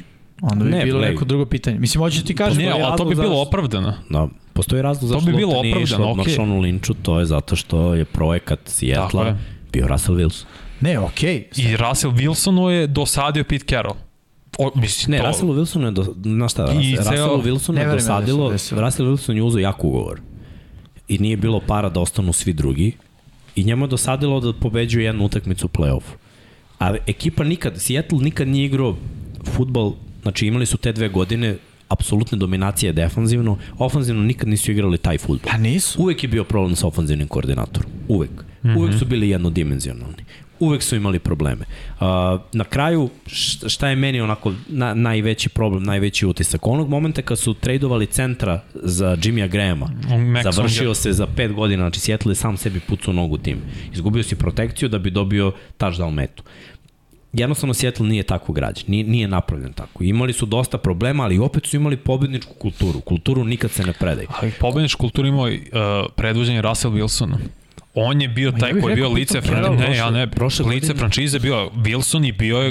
Go, Ho- Go Hawks. Nakon svakog intervjua je bilo loše, ti možda računaš bit će on na podijumu, reće pravu stvar, to je naš quarterback, to je mo, naše lice franšize imao koga da se oslonimo. Sad Dobro, nemaš. čim je on tu u ekipi, Ali gledaj, pre nego što je došao Russell, oni su bili u jednom Superbolu, nije Sa- bio tu Pete Carroll, Nije. ali nakon toga su očepili Saintse koji su bili zvanični šampioni s Marshonom Lynchom, koga je doveo Pete Carroll, bukvalno je rebelovao. 2010. 11? 10. Godin, godinu dana posle Superbola, mislim da su desete osvojili oni. Ako, ili, Onda je, da, da, je 11. izgubili su, znači Seattle je bio domaćin sa najgorim skorom ikada, razumeš, ali dobili su tu utakmicu i nekako ti sve vreme, znaš šta, Seattle je ekipa koja ne sme se otpiše. U stvari, to je kultura, možda nije pobednička kultura, ali kultura, nećeš nas otpisati. Znaš ono, bukvalno ono, možemo da dobijemo kad najmanje Koliko su očekuješ. dobili prošle godine bez Russell Wilsona? Prošle godine bez Russella Wilsona nisu dobili ništa, ali koliko su dobili s Russellom Wilsonom prošle godine? Malo. Manje nego ikada. Došlo je do smene generacija. Nedostatak talenta, Nedostatak talenta. koji ti tako je sad još evidentniji. Donekle. Jer nemaš ovu Russell Wilsona, je realno top 10 quarterback. Tako, ali znaš šta, ja računam prošle godine isto da nisam imao Russella Wilsona za Seattle. Koliko su imali pobjede? Mislim, ko, igra... 7-10 imali Da. skoro. Ok, 7-10 sa povređenjem Russell Wilson koji je propustio 3-4 utakmice. Čini mi se. Dobro, ali vidi, e, stvari su se promenile. Nema ni Carsona. Carson se penzionisao. Chris Carson. Carson nikad nije bio bre, top 15 Ali, back. ali ali je igrač koji bio- krade, brate, ponavljanja, brate. I to je Jest. smor. Kad ti imaš Jest. igrača na koga već, to, to ti je Mariota. Ista priča. Da računaš ti na nekog da je starter i on krade, on je starter imao s prvim timom Da, Reds. da, on krade tri ponavljanja nekome ko je zdrav. I onda taj Kapiram. neko dođe i nespreman. je. Ja sam ubeđen da Kenneth Walker, ruki, pet puta bolji. Jesto. To mi ti pričam. Ali opet, zato je Carroll Gino da Smith napravi- 15 puta gore. Pa nema veze Gino Smith. Gino Smithu nije zagarantovano mesto. Gino Smith će da se bori i možda ga neće ni osvojiti to mesto do, do, No, do, do možda će. Drew ovo je, da pobedi. vi ste rekli, ovo je moderna era, quarterback je najbitniji. Ma, okej, ali Drew Locka ćeš više da vidiš u predsezoni nego Gino Smitha, verovatno. Dobro. Mada ne bi isključio da ih vidiš i podjednako Ja čak. mislim da će biti po... Jer gledaj, Russell znam kad je došao u prvoj godini, on je bio na depth Ne, ne, ali. Russell kad je došao, on je bio na depth chartu broj 3. Pa je posle prve predsezonske utakmice na pre, depth chartu bio broj 2. Pa je posle sledeće utakmice u predsezoni već dobio 50-50 rep sa prvim timom. Nakon poslednje utakmice u predsezoni, Pete Carroll izašao i rekao imamo novog startera na poziciji quarterback. Jer je Russell izgrmao. To je Pete Carroll. Ali- On, on ne gleda u napred. Nema to napred koje je quarterback. Russell Wilson je domini izgrmao i na koleđu. Oni, ljudi su gledali to što je nizak, a novi što su kao uh, draft, kako ovi, Analitičar. Pa ne, Scout. ne, ne, skauti, Scout. tako je. Oni su kao, aha, nizak, naš menjao koleđe, da, igro je super, ali nešto fali. Nije falo ništa. Ras- Od kad je Russell Wilson to, kad je zdrav, Seattle čini se nije propustio playoff. Jeste. Ili je, od, ili je svaka godina bila pobednička, propustio je poslednje dve, poslednje pre svega zato što je bio povređen. Seattle neće vidjeti playoff narednih pet godina ako ne dobiju, ne draftuju nekog normalnog quarterbacka. Sigurno, pa stvarno je tako, ne možeš da nadoknadiš ovo što znači znači, Russell Wilson. A ja se ne lažem. Ove ekipe sve, niko neće ući u play-off. Niko Neće. neće umirisati play-off. Niko neće biti, ne, neće biti ono kao, e, Pa ne, ne bi- ako se desi čudo ulaz, ne, brate, daleko ste Ne tri tekme od play-offa ta, svi. tri sezone, ja bih rekao, od play-offa. Ali mi Ajde, ne govorimo dve. ovde da li će ući u play-off, nego, znaš, na, na papiru kako trenutno stoje. Na papiru stoje tako da u njihovoj diviziji koja je bila ono, grmi seva pre godinu dana, dve, sad više ne grmi i ne seva ništa. Ja ne znam šta je Trey Lance. Šta je Trey Arizona? može da upropazi. Arizona? Šta je Arizona? Ne igra DeAndre Hopkins, Mare je bio, to, to nismo rekli, ovaj bre, Hollywood Brown, uhapšen zbog Da, brze tako vožnje, je, pa istegao zadnju ložu. Mislim, to je isto veliki Ma znak pitanja. Ne, ja mislim samo da je pakao. Arizona tu s njima blizu, ali opet Marijem Ali znaš šta ih razlikuje, ono što je Miksa, čime je Miksa otvorio priču Seattle Seahawksa, kultura. Ali ja to vam pričam, mislim da je Russell Wilson bio ogroman deo te Nije, kulture. nije Russell Wilson. Russell Wilson je bio slagalica koja se uklapala u tu kulturu. Mi ne znam da će se novi Mislim da je on kotreb bio uklapati. glavni deo te slagalice, iskreno da Pete Carroll Moguće, će ej. vidjeti. Znaš, znaš zašto je Seattle draftovao dobro prvih 4-5 sezona? S- Pete Carroll sve njih te igrače znao jer je igrao protiv njih na koleđu. I nakon toga draft Seattle Seahawks je o, značajno opao kvalitet Dobro. draftovanja. Okay. Što znači da je prosto i Pete Carroll gubi e, korak sa time, jer ne zna sad ove nove talente. Ovo što se po- posrećalo da, da je došao ovaj running back. Ali gledaj, oni u poslednje 3-4 godine ubadaju. Koga? Bili su DK. DK, okej. To je baš u, on, Jeste. to je baš pogodak. Jeste. Evo ti sad, Kenneth Walker. baš je pogodak. Mislim, to je top 2 running back ove godine. Da, running back. Ima i oni linebacker onog jednog dobrog. Ne mogu setni kako A, se zove. to je ovaj Brooks, Jordan Da, jest, Brooks, a jest. pitanje je šta je on? koliko je on dobro, možda on da bude ne nužno da zameni Bobby Wagner, ali možda on može da igra na približno pro bowl nivou. Ne, I, ne, znaš šta, mislim, mislim da ne isto može bi- sada. Isto bi ocenio dovođenje nekih slobodnih agenata kao zamenu, za, oni su dali pika prve runde da dovedu Jamala Adams. Što je meni bio To je, kiks. Ne, ne, meni nije. Samo ne znaju ga koristiti. Moraju, na, moraju da nađu način da ga koriste. Prve godine kada došli dvocifreni broj sekova kao safety. Čekaj, mi ga nismo stavili u top 10 safety-a i jedan od razloga što je Jimmy rekao, brate čoveka je lopta. E, a dobro, ali pogodilo u glavu, Wow, da, znači, da. Ali Ne, ne. e, ja se slažem sa Mixonsom, znaš, on kada to je ne on da sada već je spreman da da igra tog Nikla koji igraju veterani. Je, Mislim kako da bi on to morao da igra. A oni hoće, oni, Oni- kažu platili smo ga puno, Nikla ne treba da igra neko ko se toliko bije i ko je toliko no. dobio udarce, šalji pozadi da bude ono fancy gledaj, safety. A na on to nije. Cam Chancellor Dobro. nije bi imao zadatak da igra previše u coverage, jer je bio bulja u coverage. Imao je leđa. Imao je ko će da igra, ali, ali ovaj nema.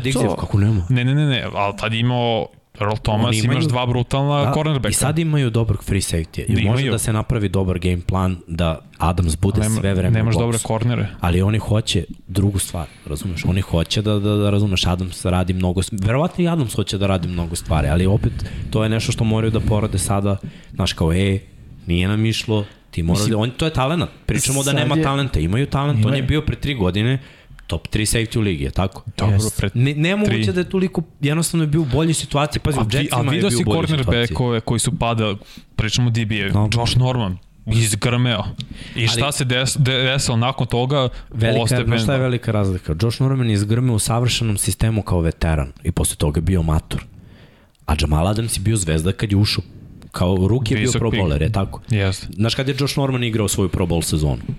Peto i šesto, ja mislim. Kasnije. A. On je bio ono, ladio, nije on taj potencijal. Jamal je ono, t- sagoreo brzo. Znaš ono, ispalio se visoko mm -hmm. i, i onda je samo nestalo Ne, gasa. ono, bio ga je glas može da radi da igra sve, a u NFL ne može da Ne može igraš Ne sve. igraš sve, moraš da igraš jednu poziciju. Sve mogu da igra Dion Sanders. bukvalno.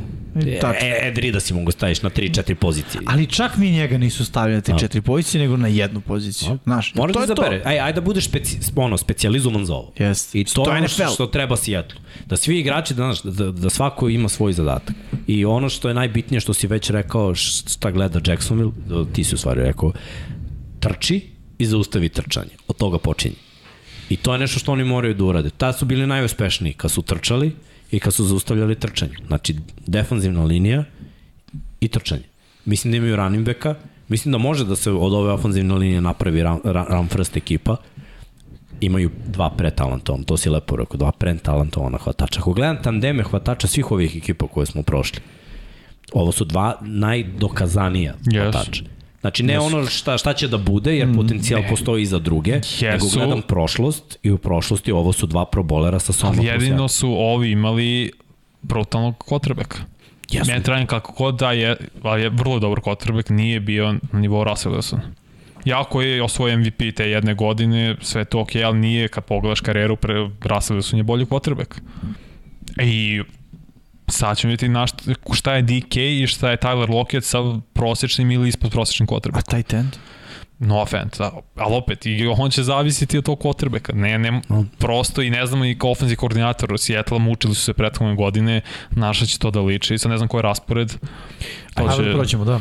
Uh, kreće onako prvo prva nedelja pa protiv Rasela, protiv Broncos. To je, odmah piše minus, ovo poraz. Druga nedelja. E, ali ja ne bih bio tako siguran. Gde? Uh, u Seattle. Ja ne bih bio tako siguran zato što, znaš, ne mogu Broncosi da, da mi kliknu za noć, realno. Znaš, mislim da, a ono, bit će isto u predsezoni, neće Russell da igra, kao to je Russell. Može će odigrati par Ne, ne, on će da odigra nešto, ali neće, neće biti kao takmiči se za poziciju. Da njemu ne treba da se takmiči, njemu samo treba da se uigra. Tako je. Mislim, mislim da je Denver mnogo talentovaniji tim. Ne, da jeste, ali znaš, jeste. Seattle ima jako, pa ajde, ja, ja ne mogu da Seattle da dam tu pobedu, da. ali Seattle ima ajde, posle toga težak. bude nula. Druga je 49ersi, tu ćemo da vidimo prave 49ersi, oni su i prošle godine jako tesno počeli sezonu. Fila isto nije bila u našim projekcijama neki jak tim prošle da. godine, bila egal utakmica, Fila bila nesposobna da poentira. Tako su pobedili 49ersi. Baš me zanima šta, kako će da uspostave, znači sad nemaju ofenzivnog, je koordinatora trčanja, morat će promene malo sa šemu blokiranja i sve, ne, neće sigurno da furaju priču od prošle godine, imaju mladog quarterbacka opet Tako je, dajem im da, da su favoriti i mislim da će Seattle krenuti 0-2, ali opet uh, ova druga mi je onako pobedivija jer je divizija. Mm. Treća utakmica protiv Falconsa, to mi je otvoren dvoboj. Jest. Dobro. To mi je ono. Može da se pobedi. Ne bude Posle jedan. toga ide Detroit. Dva. Nije nemoguće da bude 2-2. Ne, da protiv Detroit. Ne, ali nije nemoguće. Nije nemoguće, nije nemoguće da. ali... Mislim, šanse mi... su bar 50-50. Da. Pa moramo da kažemo tako, jer no, ne sad svako individualno ima ono koje je dobit će ovo, dobit će mm. to su naše prognoze koje ćemo raditi, koje ćete videti, ali trenutno, znaš, kad gledamo ovako, može da dobije svako. Sledeće su Saintsi, ne može. To je onako već malo teže, pa ide Arizona. Nije ne može. Što je mnogo ne. meni približnije nego Detroit. Da, ali opet, znaš, to, to je tu negde na 50 posto. Posle idu Chargersi, što je ono nemoguće. Stoje na 3. Pa idu Giantsi, što je Četvorka možda. Razumeš? Mislim, ne mogu da dam četiri. Pa dobro, ja, ja sad idem optimistički se, on je tvoj optimalni da. se. Posle idu Cardinalsi, opet. Dobro, aj dali smo im već jedno. Dali smo im, pa idu Buccaneersi. To je teško. Ne može. Četiri, onda ide bye week u 11. I onda idu... Čekaj, kako u 11. kad smo 9 utakmice prošli? Nismo. Koliko Evo smo prošli? Broncosi, 49ersi, Falconsi, Dobro. Lionsi, Saintsi, Dobro. Cardinalsi, Chargersi, Giantsi, Cardinalsi, Cardinals, aha, Buccaneers, da. 10, 11. nedelja bye. Pa Raidersi, pa 13. nedelja Ramsi, Uf, nemaš. 14. Panthersi, Možda petica. 15. 49ersi, 16. Nemaš. Chiefsi, Ajde, da, ne možemo ni da dela s 49ersima. Ok, ajde. 17. Jets Šestica. i poslednja Ramsi. Šestica, da. ne, ništa, ništa. Uh, Na primjer. Osim ako Ramsi ne očiste NFC, budu broj 1, iskuliraju startere kao što je Green Bay. Znaš ko je dao Detroitu na početku sezona tu pobedu protiv Green Bay na kraju? Nije im trebalo. Green da. Bay je bio toliko prvi, lagano obezbedili baj, iskulirali da. tako. Te, da. te poslednje protiv vrhunskih timova, su baš opasne utakmice gde da ono može da dobiješ po... ali gledaj, to ne vodi nikuda. Jeste, ne, ne može da mi da kao, sad je Detroit bolji tim jer je dobio rezervni tim da. Green Bay. Nije. Kao da. ušli su kao u slačionici, kao da, završili smo sezonu, kao... Visokoj noti, da. da. Niste, dobili ste rezervni tim, aj budemo realni. Da. Tako da ono, mislim, sve to ne vodi nigde. Mislim da mnogo bolju priču imaju Jetsi, ali trenutno za ovu sezonu nekako, ja samo gledam tu... Zašto ja samo gledam Jetsi? Jetsi su, uh, ono, kad si mali, neko ti kupi Lego. I kao, super što imaš Lego, ti si dalje mali, tebi isto imao Lego i imao onaj kineske kocke, bre. ti ne, nemaš pojma šta da radiš s njima, bre. Super su, ali ne, ne znaš šta da radiš s njima, bre. Razbatane su po celoj kući, to su mi džetci. Moram da vidim kako će se složiti. Šta su Seahawksi onda? Šta? Šta, šta je A ne, Seahawks imaš mnogo više poznatih uh, varijabli u tome. Prvo, u Jetsima imaš trenera koji je od druga sezona trenera koji nije bio head coach, sad je prvi put head coach. Imaš jako lošu Pete Carroll je bio head coach na USC-u. Znaš, im, im, kad je došao bude head coach uh, Seattle, on je prethodno već bio head coach. Bio dva Superbola, stalno u play-offu da. skoro. Stalno je Radio sa ozbiljnim trenerima, on čovjek, ono, ne znam, ima 70 godina, 80 godina u NFL-u, mislim, bukvalno, ono, baš puca od iskustva. Saleh, šta god možemo, on je dobar, ali imaš ljude koji su dobri koordinatori i loši glavni treneri. Ne kažem da je to Saleh, ali ne mogu na osnovu, jedan, pričamo uvek o konstantnosti, ono kao, ne možemo kažem dobar igrač, daj mi dve, tri sezone. Salih je, Salih je glavni trener jednu godinu. Mislim da, mislim da, da ocenjujemo timova kao što Madden daje ocene igračima, razumiješ? Mislim da precenjujete... Možeš da izgrbiš jednu godinu, ali ako nemamo 3-4 iza, Izvini, 80. Overall, 62. Mislim da precenjujete iskreno Pete Carroll i ja mogu sad da stavim da Jet, Jetsi, da Seahawks neće dobiti više od 4 meča ove godine. Moguće, ej, Dobro. vrlo moguće. A na šta još mogu da potpišem? Da je FC 10 puta bolji od NFC. Jest, apsolutno. I da je ovaj raspored Sijetla lakši od rasporeda Jetsa. Jeste. A da. to opet moram da gledam kad je na papiru. Da, a, ako poredim samo jačinu talena timova, da igraju ono, je, da je to Super Bowl, favoriti bi mi bili Jets. Da. Mislim da je to jedno. Dobro, mora ništa da. su raditi do tog Super Bowl. ne, evo sad ono, pa, nek igraju sutra. Razumeš? Super, super Bowl buljaš. Da, to je bio neki not super ball. not cool ball. Dobro. Uh, ok, ćemo dalje. Ajde. Gde smo ih stavili? Ajde, Seattle, Srki je stavio na 25. mesto, tu sam ih i ja stavio. Aj. Vanja ih je stavio na 27. mesto, pa tu je, vrte se sve vreme. Dom Pablo ih je unakazio 28. Nije to loše i Miksa 27. mesto. Tu smo svi 27. 25. Erc. Overall, Erceg, a da, preskočio sam ga. Uh, ne, on ih je stavio 30. mesto, on ih je najviše pokopao. Ali u totalu, našim konsenzusom, mesto broj 26. Da nije NFC toliko loš. Da su u AFC-u bili bi dno. Da, bili bi dole, bili, bili bi, bi dole. Da, da. Vadi ih malo što, što je nepoznata konferencija, što da. ima dosta ekipa od kojih ne znamo šta da očekujemo. Znaš, i, i da može da se desi neka pobeda zbog tog mentaliteta koji imaju.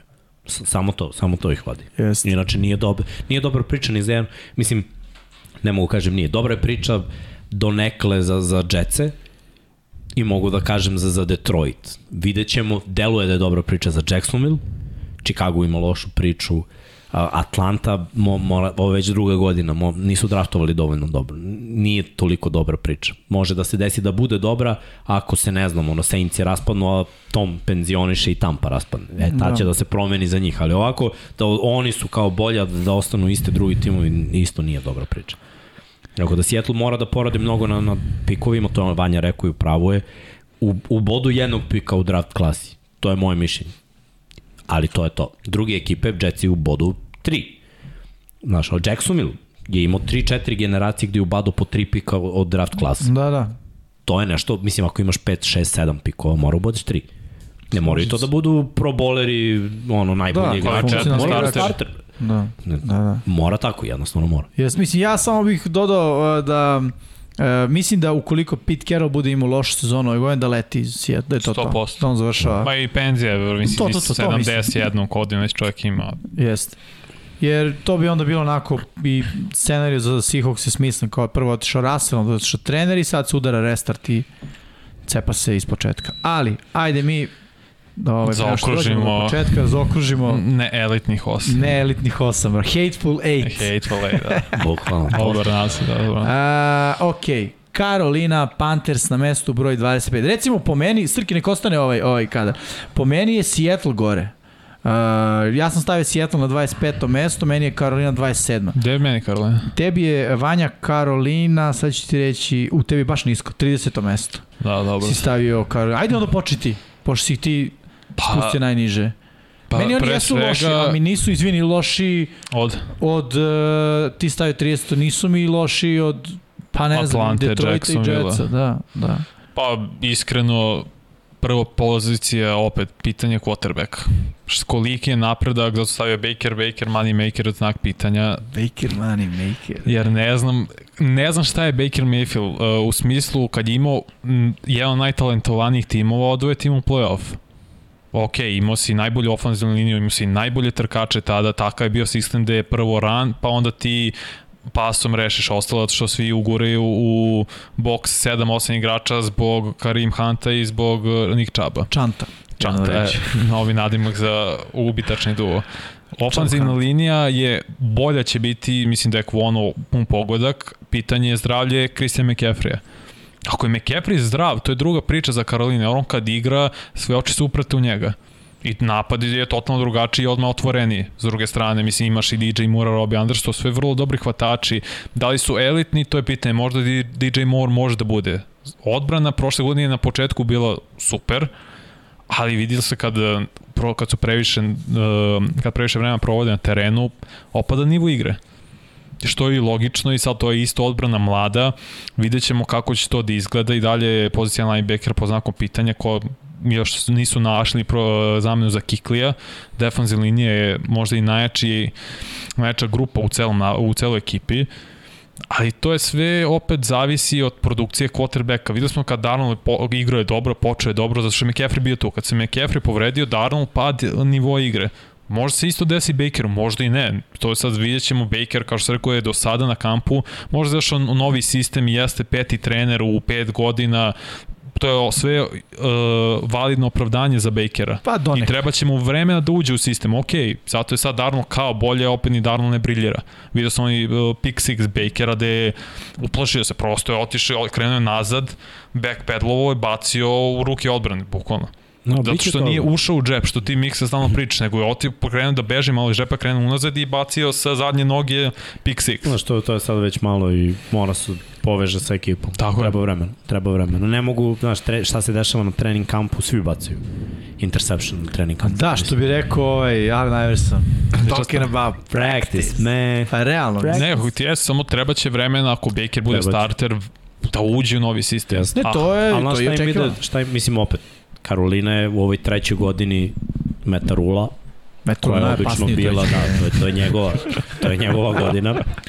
Ekipa je do nekla skockana, vlasnik je nov, nova, neka nova kultura. Gledao sam I Am Athlete, onaj, mislim, gledam taj podcast sa Brandonom Marshallom mm -hmm. i bio je gost Robbie Anderson.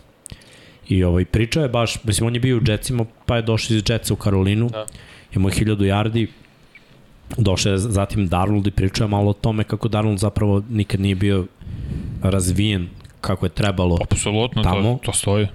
Kako je gurnut odmah, znaš, i, i onda upiriš prstom. I onda je posle toga došao Mayfield, koji isto slobodno mogu da kažem nije bio razvijen kako treba do treće godine ili drugi, kad je došao Stefanski u treći? Drugi, drugi. Uh, u treći došao. U treći došao treći došao. Ta prvo, Aha, tad okay, je bio ja sam kad je Baker počeo da, ne, ne pr, da, startova je prva godina bila super, druga pakao, treća super, sa poslednja opet da. četvrta loša. Tako da ono, bio je za njega progres Vanja kaže pet trenera, jeste to problem. Ima tu talentovanih igrača oko njega, ali znaš šta, Karolina uvijek ima taj eksplozivni start. Sjeti se dok je Kem igrao, stalno kretali ono 3-0, 4-0 ili ono izgube jednu, dve. Uh, bilo je tu mnogo sezona kada su bili na papiru slabiji od drugih ekipa. On, oni su ekipa koja krene i stane. I ja mislim da to može vrlo lako se desi ove godine. Kada pogledam raspored, pazi, bez da Šona Watson, oni idu, ono, igraju protiv Clevelanda kod kuće, prvu utakmicu. Mislim, ako Baker bude starter za njega ovo veliki motiv, do, do nekle ekipa može da stane uz njega, njima je ono treće godina moramo dobijemo sad, dajmo za Bakera, bla bla bla. Da bez Dešona Watsona, opet deluje mi ova Karolina talentovani, iskreno. Mislim, može da se desi. Od da... Clevelanda talentovanije? Da. Da, da, da, mislim, da. Ja, Zašto? Ko, ko ti je najbolji hvatač Clevelanda trenutno? Računaj da Mario Cooper nije 100%. I sumnjam da će biti. A Mario Cooper je jedan injury prone overrated hvatač. Ako Amari Cooper igra, mislim da je on bolji, da je on para para na je konstantniji od DJ Moore u poslednjih tri godine. Ko ima više u yes. u poslednjih tri godine? Ne, sam moram da vidjeti. Ok. Ali... Ko, ko je uh, raznoliki hvatač? Čiji je ofenzivna linija bolja? Ko ima bolje, hota, ko ima bolje trkače? Cleveland. Uh, trkača, iskreno, ako je zdrav, Iskreno, ako je zdrav Ali McCaffrey, nije. Ali Ne znaš- i da je zdrav, znaš da Čabi je top 3 trkač poslednje 3 godine. Pa što je bio Jeste. povriđen. da, Nije, pa bio je povređen dve. poslednje dve. Pa dobro, ali da, ja ne znam. pre tri godine McCaffrey bio najbolji running back u ligi. Ok, Imao je tu je bio 2000 Čab. je Da, prvo scrimmage, da. To, to, to je meni, znaš, zato ne mogu da poredim, ja verujem, ja sve ovo pričam na papiru. Znaš, na Ne, papiru okej, je okej, McCaffrey, gledamo na papiru tako. je McCaffrey zdrav, kao što su ova dvojica zdravi, McCaffrey je igrač koji će da prom... Znaš šta, McCaffrey kad je u igri i kad se radi read option koji je ono, do nekle njihov sistem. Kad je Čap tu, ide run. Čap ne hvata loptu. Hunt hvata loptu. Ok, ali Čap trči za, i ti za znaš, ustavi Čaba. puniš, puniš boks, tako je. Karolina jako dobro puni boks. Imaju nekoliko strvina No, imaju. ozbiljnih u odbrani. Ima Derek Brown predvodi tu I, imaju jako dobar front seven. I imaju ga već 10 godina. Imaju neku tradiciju, ono još dok Još nisu i Kikli našli i to. zamenu Kikli. iskreno. Nisu, ali gledaj, konstantno brane dobro trčanje. I mislim da je to vrlo važno protiv Jel Clevelanda. imaju neku odbranu koji je na nivou u defensivnoj liniji, koji na nivou Milesa Garretta? Da. Nemaju. Miles i Garrett je, de, defensivna linija Brownca je ozbiljna. jeste. Na šta me, Stvarno na, jeste. najveća sumnja mi je hvatački korpus. Mnogo je bolje meni Panthers. Iskreno. Ok, bolji jest. Generalno stvarno tu, jeste bolje. Tu, tu, tu naginjem. E sad, opet, dovodimo do toga da je negde 50-50 mm -hmm. i sad pozicija quarterbacka Znaš, Deshaun Watson da je ovde bio bi no-brainer. Ali Dobro, Deshaun Brissett- neće igrati sigurno prvu. A da, ali taj Brissett, znaš, nije, Znamo nije, šta je, mislim, nije to neki suštini. nivo. Nije to neki Pa da, nivo. toliko Nije. znamo šta je da ne možemo da odlučimo ko će pobediti Cleveland ili Carolina. Već Jer, ti kažem, ni, nije, neće on biti čovek odluke, neće Brissett ima Tako je. utakmicu Neće, 300 neće. 400 Ne, ovo će zavisi Igraće duel ono, McCaffrey i Čaba, to Tako ko, ko će Ja biti razumem. bolji, mislim, Pa ja Bravo. baš mislim da i nije, znaš, ja mislim da će biti Čaba s jedne strane, da, a sa druge strane ne McCaffrey-a. S druge strane cele Karoline. Jer mislim da Karolina i može u odbrani da ne može da zaustavi Čaba, Čanta, ali može da ga uspori. Ako ga usporiš dovoljno i ako tvoj napad bude iole produktivan, po meni stoper Opet da onda ključ ofenzivna linija Karolina koliko je napredovala protiv vrlo dobre defensivne linije Brownca. Jer Miles Garrett će uvek ići na desnu stranu, na desnog tekla, dok Jadavian Clown je, mislim, očigledno da mu odgovara da igra pored jednog brutalnog igrača. Ko odgovara da igra kad je ovaj u double teamu stavno, tako znači imaš jedan na jedan. I defensivni teklovi su poprilično dobri. Sad pitanje je to razvijenje Clevelanda, razvijenje secondary. Doćemo do Clevelanda, nije ni Da. važno, tako može nastaviti dalje. Biće, ok, bliže nego što bi Ja, ja, trebalo. ja moram da kažem da, da, da, da je ovo meni fi, ono, za sada pobediva utakmica za Karolinu. Da. Sledeća je protiv Giants.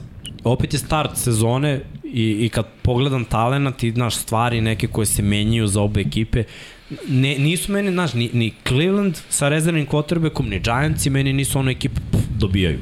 Jesu. Nisu, znaš, kad bi seo da, da analiziram ko će da pobedi ako bi stavljao lupom pare na, na, na to da igram u kladionici, brate, seo bi uradio domaći. Pazi, I mozgao ako bi Karolina dugo, dobije dugo. prvi meč, mislim da dobije drugi. Jer to onda To je- energija, to je- pam, kao i nalože se svi još ako igra Baker, to je odmah I prošle godine je bilo tako. I to je kao, i pre dve godine je bilo tako. Jeste, Karolina tako krene. Znaš, ono, jako i, i stanu. I nije mi nemoguće da, da se to desi. E onda dolazi reality check. Saints.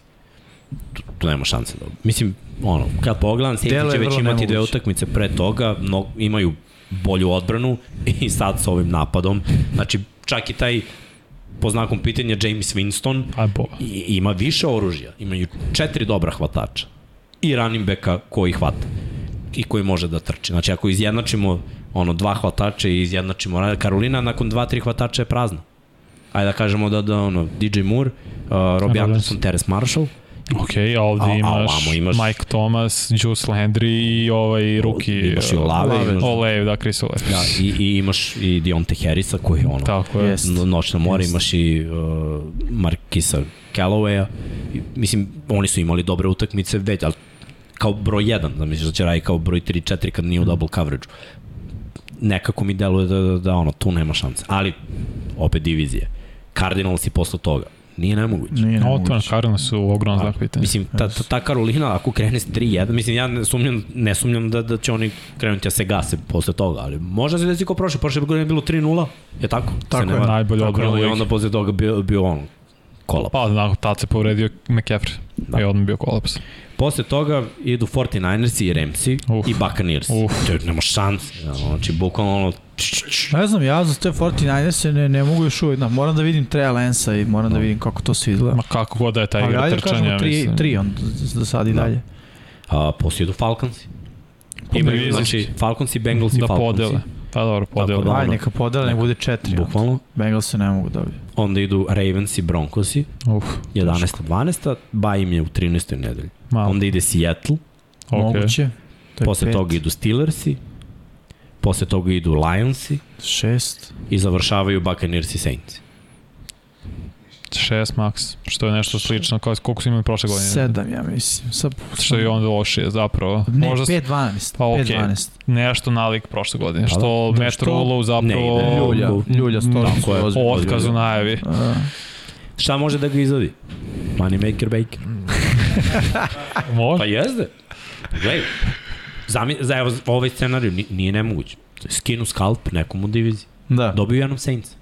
Mislim, gledaj, Saints su gubili od Atlante i, i Karoline kad igraju Drew i kad su bili ono, yes, mnogo yes. bolji ti Bakanirci koji su na papiru 100 puta bolji bili od Saintsa prošle godine izgubili su oba puta. Da, da.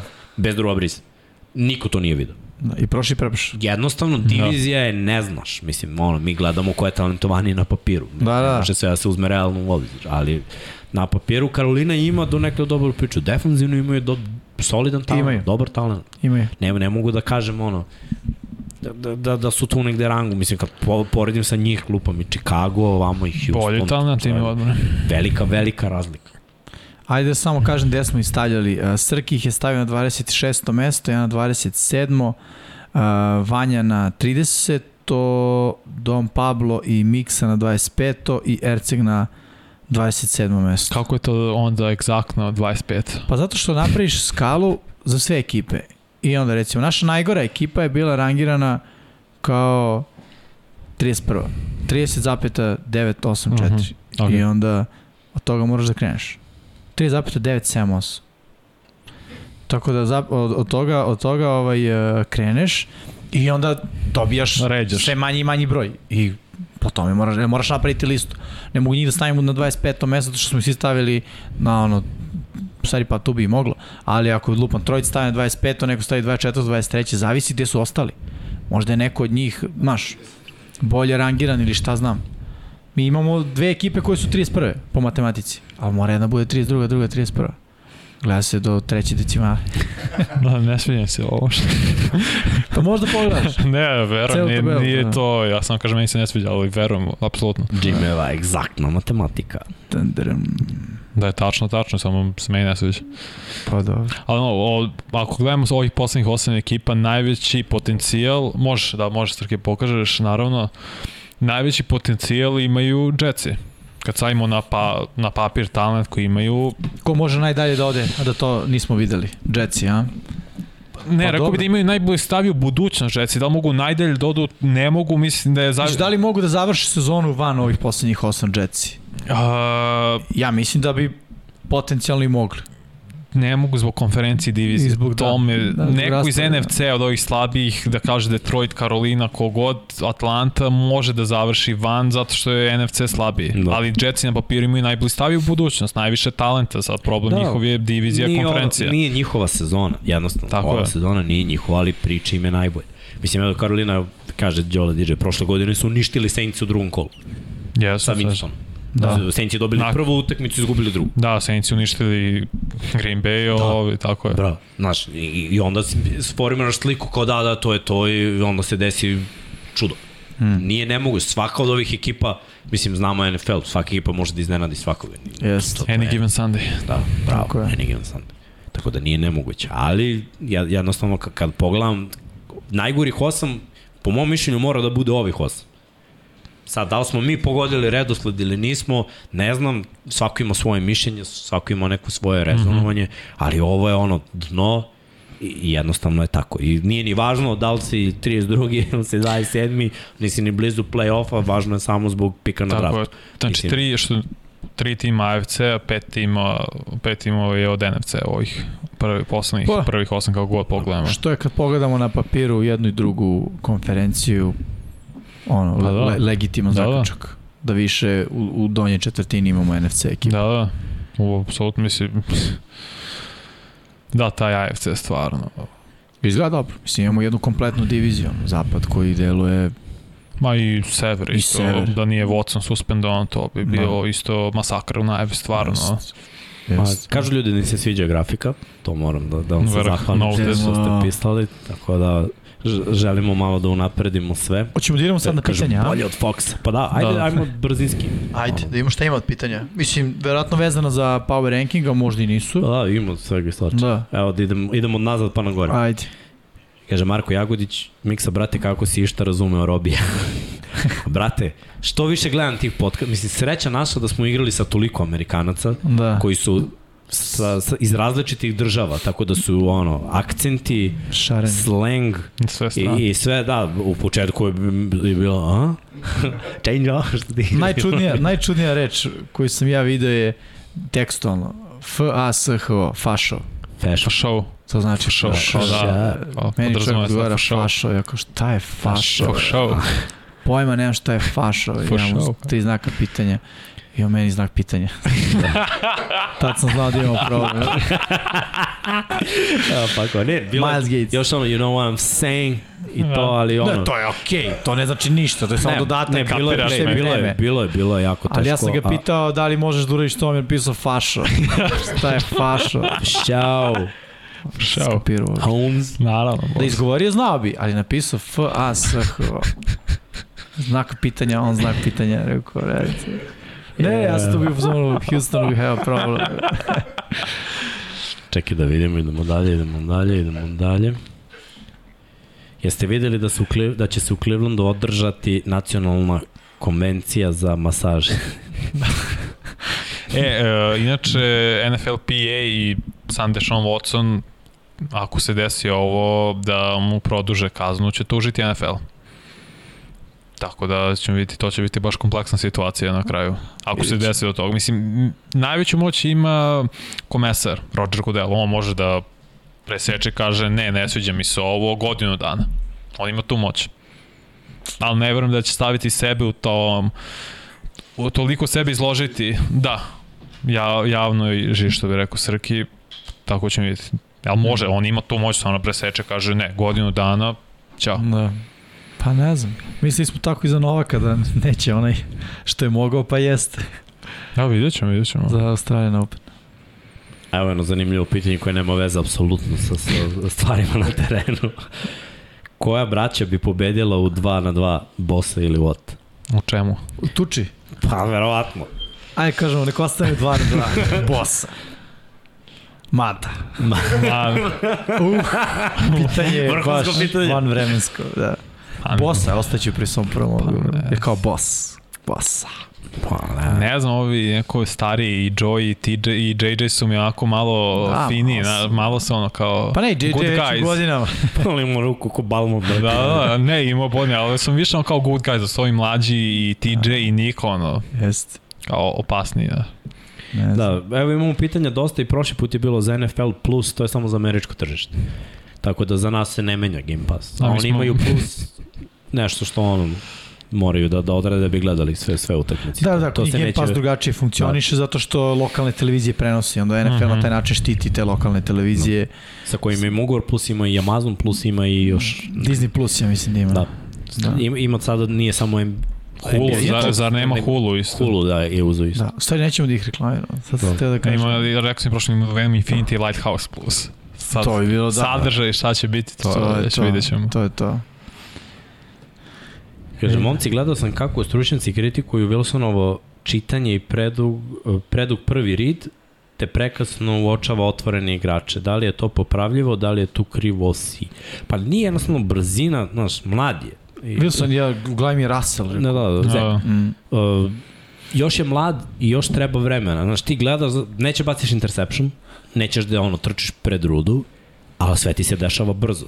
I ja ne znam quarterback koji u ruki sezoni sve to savladao da mu, znaš, Herbert. sva, ali Herbert je pravio greške. Imao je tekme je. koje mogu da Jones je dobije bio dobar. u prvoj Prošle godine. jeste. Ma da, okej, s njime je baš ono... ono, s njim baš je išlo kratko. Herbert imao malo slobode više I ono, bilo je utakmice koje je baš on izgubio. Ne možeš da mu uzmeš, Jeste, jeste. jer ne, oni ne bi ni bili u toj utakmici da nije bilo njega, jer je uradio dosta stvari Da, dobro, da. ali je dosta ostavio, to, to znači milion posto uh, Chargersi su mogli da dobiju 6-7 utakmica više u njegovoj ruki sezoni da nije imao te neke greške, jer je ono, evo ga tu je, nije tu to prikrivaju, mora sačekaš, budi malo stepelji. Zašto mu je druga sezona bila bolja od prve? Mislim, Naučio je. imao je on jardi u prvoj godini, ali je naučio neke stvari. Sad, svi će oni naučiti neke stvari. Evo ti Buru, i on je imao neke greške u one pola prve sezone koliko je igrao. U drugoj ih je već eliminisao, ali u drugoj je ostavio lupa mnogo sekova na terenu. Loptu, Za- uvek zato čeka big tako. play. I to, znači u prvoj godini mora da na, se navikneš na brzinu igre. Polako ćeš da se navikavaš u drugoj godini, mm -hmm. ali ćeš onda malo se navikneš na protekciju, kako da čitaš protivničku obranu, uđeš u džep, to je ono u drugoj. I tek u treći ti postaješ u stvari ono, do nekada Da. taj proizvod koji ćemo mi videti. Pogotovo to znači za Wilson i ono sa manjeg koleđa BYU, koji je, to nije kvalitet Alabame, Ne. Georgia, Ohio State, koga god. Igra protiv niže i njemu treba možda i sad više vremena i još da se navikne. Jer je njima, njemu duplo brže nego što je bilo jednom Hrcu koji je bio na Alabama pa na Oklahoma. Uzem Hrca kao primjer prvi pao na pamet. Tako da, o, znaš, A i Hertz ima problem sa donošenjem odluka. ima, okej. Jer svi imaju zato što imaju u glavi, znaš šta, ne smijem interception. Ne, svi imaju ono, ako pogrešim, nisam tu. Jer NFL danas funkcioniše po tom pitanju, mnogo greši, nisi tu. Jedan je Danny Dimes. Grešiš i tu si. Jedan je, brate. Ja ne znam drugog nekog ko toliko greši i da je I da dalje šansa. I da, I da je dalje tu. On je Tannehill. Ali Tannehill Šanse nije, nije- bio nije tu, on je bio u Miami, Da, pa je, da. razumeš, otišao on. Da, Hrcu je ono bilo teško zato što nije bio siguran starter, znaš, i tek sada od ove godine kao ti Sad si naš da vidiš quarterback. malo samo Nadam se da, da, da, sad će biti naš. Jel sam ono kao rukinja mu sve, još je klinac, još je New York. Znači, mi, mi malo ne živimo taj, taj medijski rat i pritisak koji oni proživljavaju. Zach Ali- Wilson je legenda man terena, tako da, to ću samo reći. Je Zach Wilson napisao ili ko uh, tipa briše društvene mreže neke Pa sad mora da obriše Pa mislim, ne, mislim da je jeste. van društvenih mreža i otišao je na ovaj sa ekipom kao gde je bilo Wyoming ili nešto, pa se vratio i onda kao pitao kao šta se desilo dok nisam bio tu. A desilo se kao što velika većina zna, Ja ne znam. dobro reći ti posle. Nemo da Reći kažem. sad Pa šta? se desilo, Malo čupo. podcast je. Nemo reći ti, ja. A? Pa lubio nekoga, ne znam. Ne, ne, ne. Pa, prijateljstvo. A meni njegovo. A si gledao američku pitu? Da. Koju?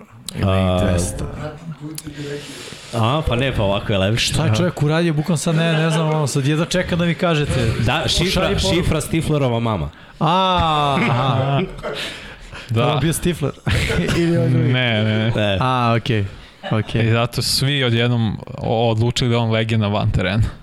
I svi su to maksimalno podržali. TikTokeri. Idemo dalje. ajde. Instant slava. očekujete li od Tomasa da bude blizu 1000 yardi? Od, uh, Michael, Michael Thomas, Thomas. 100%, da. da, pa Ako je zdrav, mislim, nema. Da, mislim, ima 17 utakmica, ima dosta hvatačkih opcija, neće biti u double coverage-u, uh, imaju over the top dva receivera, računom Deontay Harris 4-3, Aha. računom uh, Olave isto jako brz Znaš šta je tu i dva samo- koja rade plitko. Da, ali znaš šta mi je tu sad samo pitanje? Uh, Winston u Saintsima ima onu kočnicu. Nije toliko šibao duboko. Uh, mada ok, ni Thomas nije neki receiver. Thomas za- je do 20 Thomas yardi, je, ono. brate, Da. uh, slant, njegova ruta 1 na 1 izolacija, mnogo je visok, dug, Da. to zna postavi Lepo telo, rute. hitch curl, Da, da, da. da. uh, comeback, Može dig, slant to je da pretvori dig, ono... cross, to su njegove rute. To je do I s 20 tim imamo yardi, ono. Preko soma Da. i po yardi. To, to su njegove rute i iskreno to je ono što može Winston da kompletira bez problema. Može, može da A kompletira. safety Jest, će se skloniti jer imaju, ono, imaju vertikalne opcije, imaju speedster. jest i pitanje je sa šta zatvaraš u Saintsima. Ono. Ne zaboravi kameru i celu Da, tu priču. Da, da. Znaš, ima, ima, stvarno imaju opcije. Stvarno mi deluje, i mislim ja sam i prošle godine pričao da to može da bude jako dobro. Uh, čekaj da vidimo dalje. Uh, koji meč jedva čekate u prvom kolu? Sve. Da budem iskren. Hvala. Mislim, Bills i. Ramsey. Da, to je Odmah otvaranje. to je odmah to će da. biti brutalno. To je to, to mi se rade. Baš će biti vatromet na sve strane. To ono, uh, kako se kaže, oni kao obračun, ali ne pištoljem, nego shotgun. Odmah.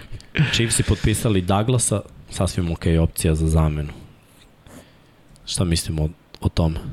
Kog Douglas? Nima i ne pada na Da. pet Douglas. Rasul Douglas. Ne, ne, nije on je. Ne, on je. Ne, ne, ne, Ono brani, skočio je. Neko Ne znam kog ko, Douglas? Chiefs i Douglas. Kao Kirk Douglas. Kog Douglas? Sad će da im. Ja sviđam se što si nas pogledao ka, kako se čini to. Pa da mi kažem. Ne verujete šta izlazi kada, ne verujete šta izlazi kada napišeš Chiefs Douglas. Znači neki, brate, stari ljudi. Da, bukvalno, poglavica Douglas. Tyreek, welcomes back. Douglas, welcome. Uh, ne, znači Kansas City Chiefs, okej. Da, Pa nek napiše, da, ali... Koji Douglas? Koje pozicije, sad bar će- znam šta da, koje Ne mišljenje da ne oformim. piše. Douglas pa. Morris Terry, former futbol, nije taj. Ne, dajte, ko je Douglas? pa ukuci signing. Chief signed Douglas. Uh, Hajmo Google Ne, search kako da. to funkcioniše. Inače, oni nisu potpisali Orlando Browna još uvijek. Da, da. On može da kaže neću igram. To nisu ni da, ali se pojavio, ja mislim, mislim da je bila neka veza. Pravi se da ne bi... To je javno bio trener kao i Dervin James. isto. nogu, ali Da, da. pusti tu priču, ako ne dobije pare, znam ga. I upoznat sam. Da, upoznam se s delom. Nisi na naša. dobar, dobar šalje pare Kevi. Anthony Barr u Dallas, šta mislite o tome? Pa rekli smo super, je to pot Dubina. za Dallas, preko potrebno da se nakrca malo front seven. Ti ne- nećeš naći da. Ne, ne postoji Douglas. Kako nije? E, inače imamo 180 ljudi u live-u. A, pa dobro, danas pa smo komentarisali prošle nedelje. Da. Carlos Dunlap. Dunlop. Pa to mi baš je daleko. zvuči kao Douglas. Da. Dobro, a ispravio se čovjek. A dobro, komentar sam okay, prošle okay, okay, nedelje da je to ono, cool, cool, super cool. potez. Mislim da će biti starter pored da, Frank, Isto, Frank Clarka ja, ja, s druge strane. I Chris Jones u sredini. U sredini. Mislim da je to dobar potez. Ovaj, ništa, ovaj 183 čoveka u live-u. Koliko ima lajkova? Super lajkova, čekaj. Lajkujte. 180 četiri. O, znači svako je lajko, bravo ljudi. Da, bravo ljudi. Ljudi, ovaj, hvala vam, inače, šta, skrabujte se na naš kanal, postanite naši članovi, postanite svetioničari, sve nam to znači. Imamo dosta planova što se tiče generalno ovog podcasta i kao kanal radit ćemo mnoge stvari. Vanja, kod tebe je ta uh, dinastija knjiga ko, koja će se pojaviti uskoro u izdanju Infinity Lighthouse-a, takođe uh, dizajn majica je prebačen na tebi i mene, Reši. jer očigledno je to stagniralo dok, dok ti ja ne rešimo, niko neće. Tako Kao, da, dizajn, ej, dizajn, Modeli koji mogu biti su ovaj, može kadar drugi. da, i on. Ovaj, koji vam se više sviđa. Di, dizajn ovaj je spreman, znači samo Jeste. treba da, da, da odlučimo samo. za kroj model i nakon toga možemo da krenemo sa štampom, što Da. znači da će to verovatno biti u toku ove sezone. Ja se nadam da, da, da ćemo da porimo to da bude brže. Znam da ono malo kaskamo kao ovaj podcast i znam da ste zainteresovani da imate te stvari, tako da ćemo poraditi na tome. Uh, takođe bi se zahvalio svim uh, koji, svima koji nas podržavaju kao Patreoni. Uh, do, biće zahvalnica na kraju, pustit ćemo video, ali ono što je u stvari nekako bilo najvažnije u ovoj emisiji, nešto što smo odradili u sredu, došli smo ranije, jeste intervju sa Sandrom Placgamerom i odmah bi se bacio na to, to je nešto što smatram da morate da vidite, ovo je ekskluziva, ovo je naš prvi intervju sa aktivnim igračem koji je u. NFL-u trenutno i Sandor Placgamer, za one koji ne znaju, je jedan od najboljih igrača koje sam ja lično vidio u Evropi. Uh, radili smo ove intervjue sa momcima koji su sa ovih prostora, radili smo i sa Ryanom koji, koji je Amerikanac, ali ajde da kažemo, momci sa ovih prostora, ja mislim da, da niko nikad nije bio na tom nivou Sandra Placgamera. Uh, ja se sećam, komentarisao sam utakmicu, on je tad bio bukvalno ono klinac, imao je 19-20 godina, to je bila apsolutna dominacija. Prva utakmica koju sam vidio, bio sam u fazonu, ovaj dečko je zver i ono, ako ovaj dečko ne ode na koleđe, nemam pojma šta, ono, u diviziju 1, ne znam ko će iz Evrope igrati na diviziji 1. Uh, srđan je imao Prisustvovao čast, tome. Da, da, igrao si protiv njega, gledao si uh, ono, highlight, highlight uživo. Mislim, st- stvarno je dečko bio neverovatan, uh, inače potiče iz jedne porodice koja se bavi sportom još ono od dede preko Ćaleta i Keve, oni brat su igrali zajedno mm. za Svarko Raiderse Brat iz dalje tamo Innsbrucka, igra, da. ba, tako je, brat je i dalje tamo. Tako da kad pogledaš ono taj njegov uspeh i sve to mogu da kažem, on došao je u NFL preko tog internacionalnog programa koji ubacuje igrači iz čitavog sveta, svaki tim mora da ima jednog tog igrača i ono što je zanimljivo sve to krenulo dok je bio COVID. I Sandro je nekako odradio taj kombajn, svideo im se, prošao je, možete da vidite na YouTube, ima taj kombajn, uh, moje mišljenje, imao je malo više ispuštenih lopti, ali ako pogledate fluidnost katova, speed katova, trčanje, brzinu koju on ima, to je sve bilo onako, wow, šta bi bilo kad bi ovaj dečko ušao teretanu i trenirao kako bi trenirao. Poslušajte šta su Amerikanci mislili, oni su mislili da je rugby igrač, uh, ono, nisu uopšte imali predstavu, on je u šeste godine počeo da trenira američki futbol, igrao je samo američki futbol i jako je dobar bio u tome. I sada se bori da bude na rosteru za 53 mesta, Uh, mi smo imali ograničeno vreme, kao što je Jimmy rekao, imali smo 20 minuta, ja sam ukrao još par. 3-4. Na, namazano, ali mora, ono, kad, je, kad smo završili, ja sam napravio neku hronološki, neku priču, 10 pitanja, kad smo završili 10 pitanja, pogledao sam Jimmy, ono, freestyle, baci još nešto.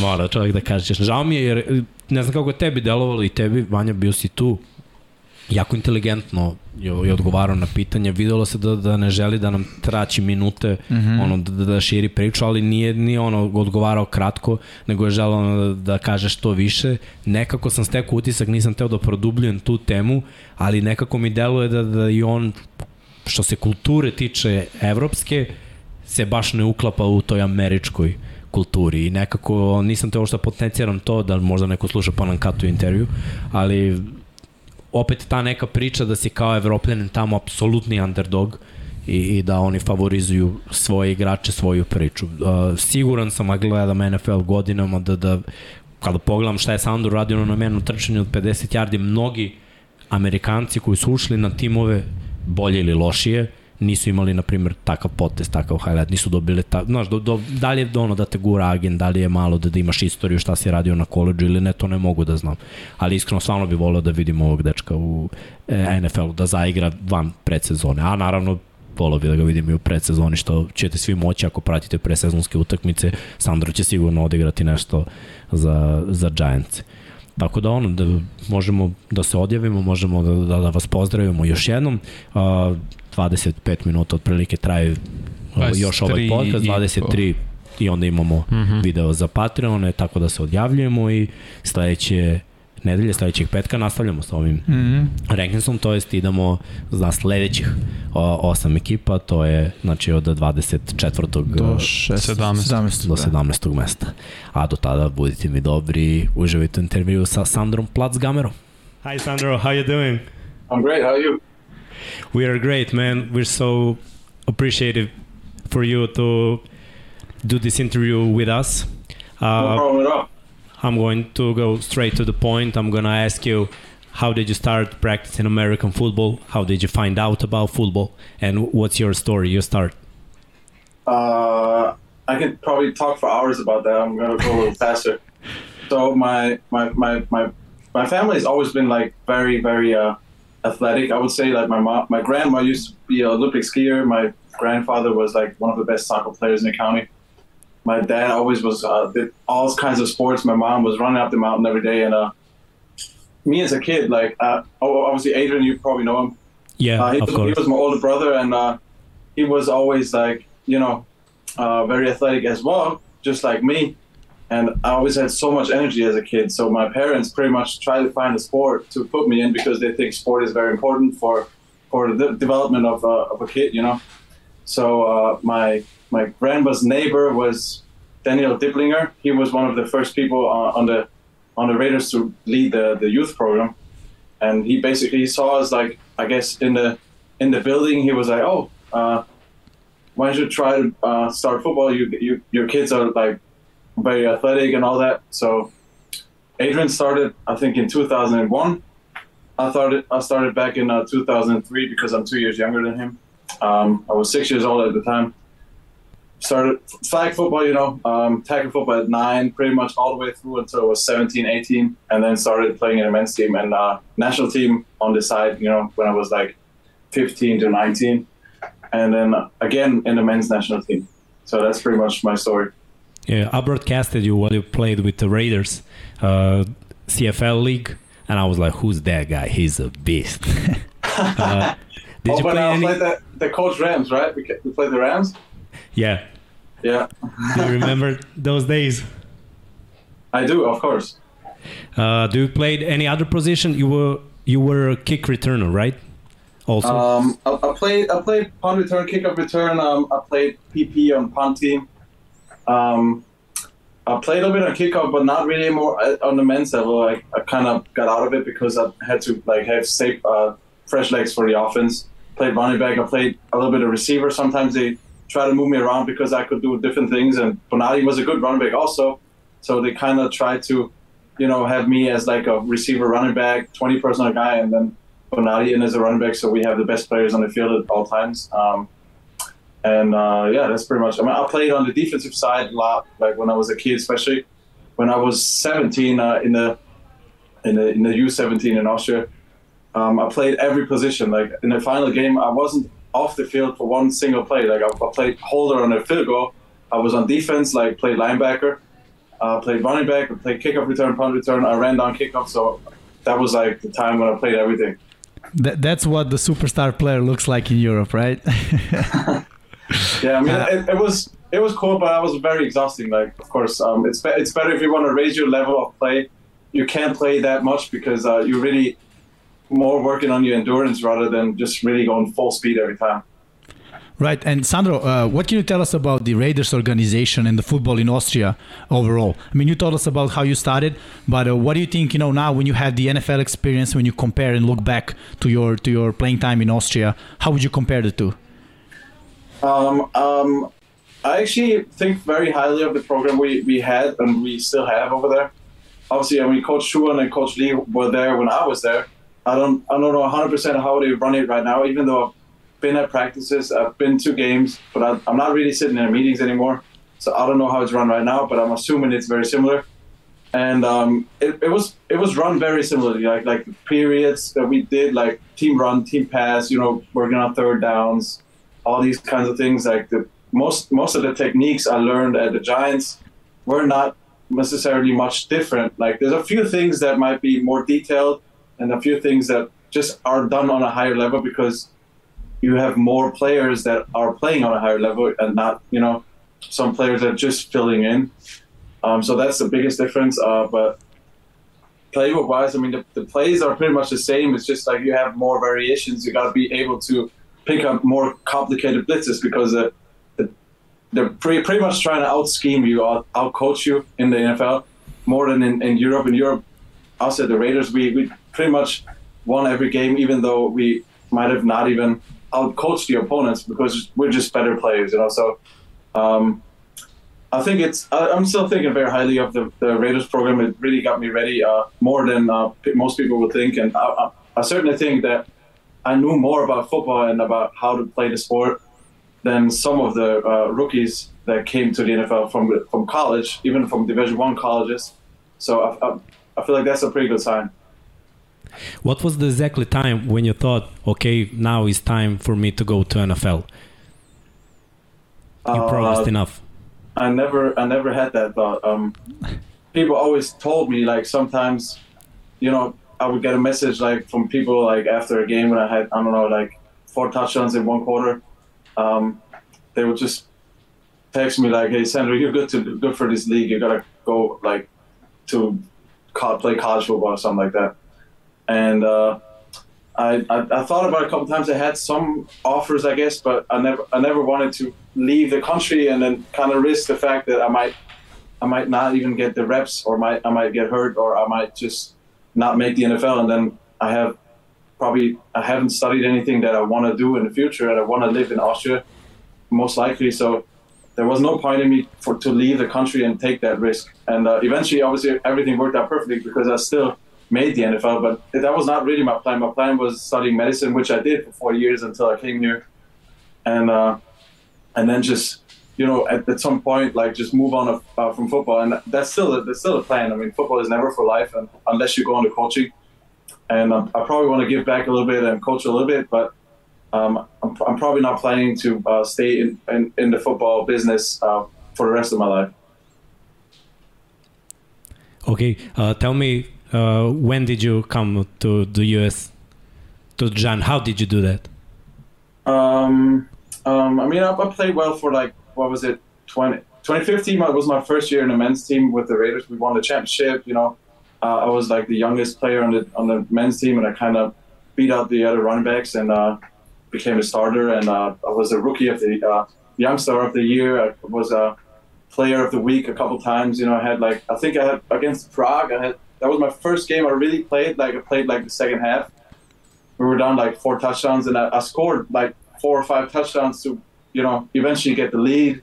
I had 300 total yards or something like that, and that was really the breakout game I had. And then after that, I kind of earned the position to start. And uh, 2016, uh, 17, 18, 19, that was like when I really tried to just improve and keep keep doing my thing. And uh, in 2019, we had our unbeaten season. We ne- we never lost a game. Uh, won the CFL championship. We won the Austrian championship.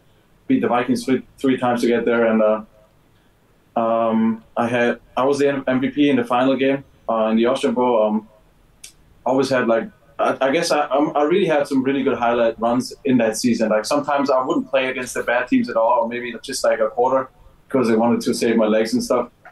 Um, but I still like, especially against the good teams, like I had a couple really highlight runs, and uh, I guess I had a really good highlight tape. I was the MVP in the final game, and, and I was still young. I was still like 21 or something like that. So uh, the the NFL pathway program basically called me like around around the end of the season and said like, hey, we're looking at you, we're trying to evaluate you, and they asked me some questions and said like, there's a possibility you might be invited in October to get to the uh, NFL International Combine in Germany, and I was eventually invited there. Did really well, and I've, I've always done well in the testings at the Raiders. I really I always, it. I really always just try to beat myself, you know, um, beat my own 40 time, beat my own broad jump, beat my own like power clean and everything, where I was always above everybody else, and uh, and that was good because I could have just you know stopped working hard because I was already faster, and uh, I didn't, and I'm I'm so glad that I, I, I did it the way I did, and uh, I showed up at the combine, I showed up in, in, in Florida, I showed up at that pro, pro day again, and uh, then I guess I was uh, eventually I, mean, I, was one of what 12 guys that was uh, picked, um, or one of nine guys, I, am not sure um, that was picked by the NFL teams, and that's that's the end of the story. Like 2020, Mar- April 27th, I think that's when the Giants called me. COVID year, so I kind of came in late in July and did training camp and all that. That's how it started. And when you were mentioning the training camp, so uh, how is it like to be a European player on the NFL uh, training camp? How was your first experience? You know, when you just got there, and you know, how was it for you? Um, obviously, the NFL, the, the Americans don't really think that we play football overseas. They always think like, oh, you played soccer, or you played rugby. And they, even after my first run that I had in the preseason, which was a really good run, they they actually said, oh, former rugby player from Austria uh, had a 50 yard run, and I'm I never played rugby, not even I never even had a rugby ball in my hand. So that was it's just an assumption they they always have, and they don't think that we play. Obviously, like the NFL, like especially Division One colleges, the good ones especially, are obviously better than, than what we what we do in Austria because we have different sports that are bigger, like uh, like soccer and skiing, and uh, they, you know, all, not all the best athletes go into football, and that's that's different from how it is in the U.S. And the U.S. is a bigger country, but um, I think um, uh, football in Austria is definitely underrated from from a U.S. perspective. Like it's definitely like Division Two, maybe bad Division One. Uh, especially some players are really really good. The difference between like the starters and the backups is like higher than in the US. In the US, it's like next man up is almost like there's not much difference. In Austria, there's a very big drop off sometimes. That's pretty much the biggest difference. And uh, we played Division two colleges with the Raiders, where I didn't even play. A couple starters didn't play, and we still won. Um, I think three or four games we had against uh, Division two colleges. So um, I think that kind of shows up that we're actually doing some right over there. Right. What's the competition on NFL level? I mean, you're playing with Saquon Barkley. Well, I'm not really competing with him. I mean, the thing is, I'm I'm I'm just comp- I'm I'm kind of doing it how I've always done it. Is trying to compete with myself. I'm not even gonna look at somebody and be like, I mean, obviously, like I, I look at some running backs and say, I can do this better, I can do that better. Um, I look at returners, I can say like maybe I can do this better and that better. Um, on special teams, I can I, I, can do this and that. But I'm, I'm trying to make my own thing. You know, I'm not trying to imitate a player, which is not really that's not really a thing. I'm trying to maybe include something that somebody else does in my game. But I'm really trying to show off uh, what I can do, and I'm trying to find my spot like on each uh, each and every special team, so I can really get some reps there to earn more on the offense. Because if they think like I'm important for special teams, then I have a shot to make it make the team. And eventually, like I should, if I if I have the shot to make the team, they're gonna give me more reps on offense to get me ready. And that's pretty much how it works. That's how, how I've seen it for the last two years. And in the first year, there was no preseason game, so I essentially had no shot coming from Austria because I, I had, I had the, the, the, the lowest reputation, obviously, coming from Austria and I had no really no way really to show off. I didn't really have many reps, and we didn't even play a game. But in the second year it was different. I really uh, uh, was more ready in the second year. Felt good, and uh, obviously this year as well. I'm really trying to compete to to make the team. And yeah, that was my next question. Do you think you can make the 53 man roster this year? Because this is your essentially uh, the third year, right? Well, I don't know the behind the scenes, so I never know what the coaches uh, say. I don't know what they're planning, because the thing is that international players always have this extra spot. So I guess it's harder to prove them that to say like, hey, you gotta give up that extra spot, cut somebody else to put me in. That's always hard to to get there. So it's either um, trying to do that or waiting uh, uh, until that spot is over and they actually say, okay, we've seen a lot of stuff. Let's put him on a normal uh, on a normal uh, roster, I guess, or like put him in as a normal player. So he has to make the team or he's cut, you know? Then it's like 100% on or off. Now it's like, well, if he doesn't make it, he's going to have the extra spot. So it's kind of like you don't, you don't play that much, but I really don't try to make it that way, you know? I'm trying to make the team all the time, and I think I have a shot. I still believe that, and I, I, I, I believe that in the first year, in the second year. I was in the first year, I thought oh, there was no way I was going to show it off but in the second year, I felt like, well, all I've seen in the first year and the improvement I've already made, I felt like I really have a chance, and uh, I just got to find a way to show it off because um, you know you only get so many plays, and obviously they don't know what's going on in my head. They don't really even know what, what's going on on my body and how I can like cut and do other kind of things. Um, so it's just like it's just a matter of luck and matter of um, trying to be ready every time. Like whenever I get a play on offense in, in practice or especially in the preseason, I just gotta show it off whatever I can, uh, what I can do to make him think like, hey, this guy's better than this guy and that guy, so we might might as well just put him in. Can you tell us about a change on the offense right now when you had Brian Dable and his coaching staff? I mean, it's, it's new. It's new names. It's partly uh, obviously new plays and new concepts uh, a little bit. Um, a lot of fa- more fast type of type of stuff. Like sometimes we just call like names, single names that tells the play. Um, um, last year, in the recent years, we always kind of call it the full play, which takes forever, and sometimes you miss like one part of it, and then you make a mistake on the field. Now it's like you just hear one word and you can't miss anything. You just gotta learn the plays beforehand to know what that word means. Um, pretty much like how we did it with the Raiders, so I kind of like that. Um, and uh, apart from that, I mean, um, it's more about uh, being ready uh, to play. It's not as much about just going crazy in practice. We're not always doing conditioning after practice. Um, we're not always going uh, longer than than the, you know if there's a two-hour practice, not two and a half hours. It's really two hours, and uh, uh, we, we start later with the meetings. It's more like trying to be productive rather than just putting in a lot of time and a lot of effort and then maybe eventually not being fresh for the game. Kind of like that's pretty much what it feels like, and that's the plan. Like last coach was kind of like go hard all the time, and then we can ease off in the game because the games are going to be easier. But at the same time, if you go easier in practice, maybe you can go harder in games. It's like two different mindsets, and uh, this is the one that we have right now. I gotta go back to that run against the Jets. It was a 50 yard run. You were very instinctive on that run. Uh, you bounced back when you should and uh, what was the feeling in, inside your head when you did that? Almost took you know, to the uh, house. Um, I kind of, it's very similar to certain runs that I have done in Austria before. I was in Austria, I, and that's why I told the GM after the after the run, who I talked to a lot. Um, I told him like, well, if this was in Austria, I don't think anybody would have had taken that angle and had that speed to really cut me off at the end. You know, it would have been a hundred yard run pretty much in the NFL, it was only like 50 yards because the, the DB like runs a 4 3 and eventually just cut me off. And I just couldn't run past him, basically. But uh, I think I kind of proved that I can run, you know. Obviously, uh, I don't think a lot, a lot of guys in the first year, uh, especially on the coaching side, felt like I, I, was, you know, the kind of athlete they needed in the NFL. I'm, I'm not sure. I mean, they, they, picked me up, so I guess they thought that way. But uh, it was good for me to show it off for the first time during that run that I can actually make people miss, you know, run the ball, be fast on the field, and uh, um, that's pretty much um, what I've done all my life. And I, I saw that run before before it even happened. I feel like like I kind of knew I want to run the outline. Like they're probably going to try to get a safety here, and uh, if they do, I'm, I'm ready to just bounce it out.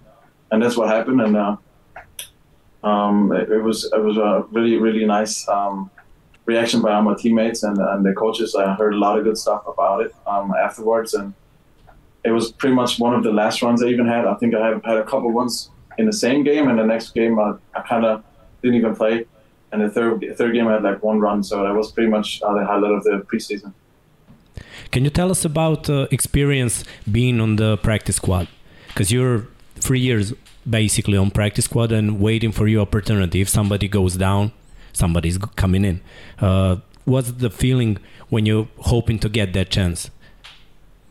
Um, I mean, I took the in the first year the practice squad was more like trying to you know trying to learn, trying to see everything how how it is. Um, um, especially if you because that was the first time I really played kind of because in training camp I didn't have a lot of reps. We didn't have preseason, so in uh, training camp when I played scout offense against the starting defense, and then on the other field I played, you know, uh, scout defense against the starting offense. That's when I really got a lot of reps, and I, I just really ran the ball a lot. And uh, in the first year, uh, I feel like they sometimes didn't trust me because they didn't know like, does he know what speed option is? Like, does he know this and that? And I kind of showed them that my football IQ is actually a lot higher than they thought, and and it kind of, I guess, I kind of earned my trust. So uh, they would actually let me run the scout team a lot, and then run me on special teams a lot.